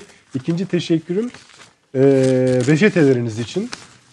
çok sayıda ne yapmam gerektiğine ilişkin. Benim de hiç aklıma gelmeyen şeyler var esasında. İlginç ilaçlar da var. Zerdeçal, girmiyorum falan. Zerdeçal Ahmet Hakan yazdı. Onu kullanmayayım ben bugün.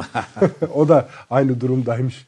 E, fakat hocamın reklam arasındaki takviyesi ayrı bir şey. Onu da sonra size anlatırım efendim. En azından nefes almama biraz yardımcı oldu. YouTube'da yarın izleyebilirsiniz. Görüyorsunuz sadece birkaç günde Türkiye'de, dünyada, bölgede çok değişiyor. Salı günü saat 21'de inşallah yine huzurlarınızda daha sağlıklı olarak bulunmak ümidiyle iyi geceler diliyoruz.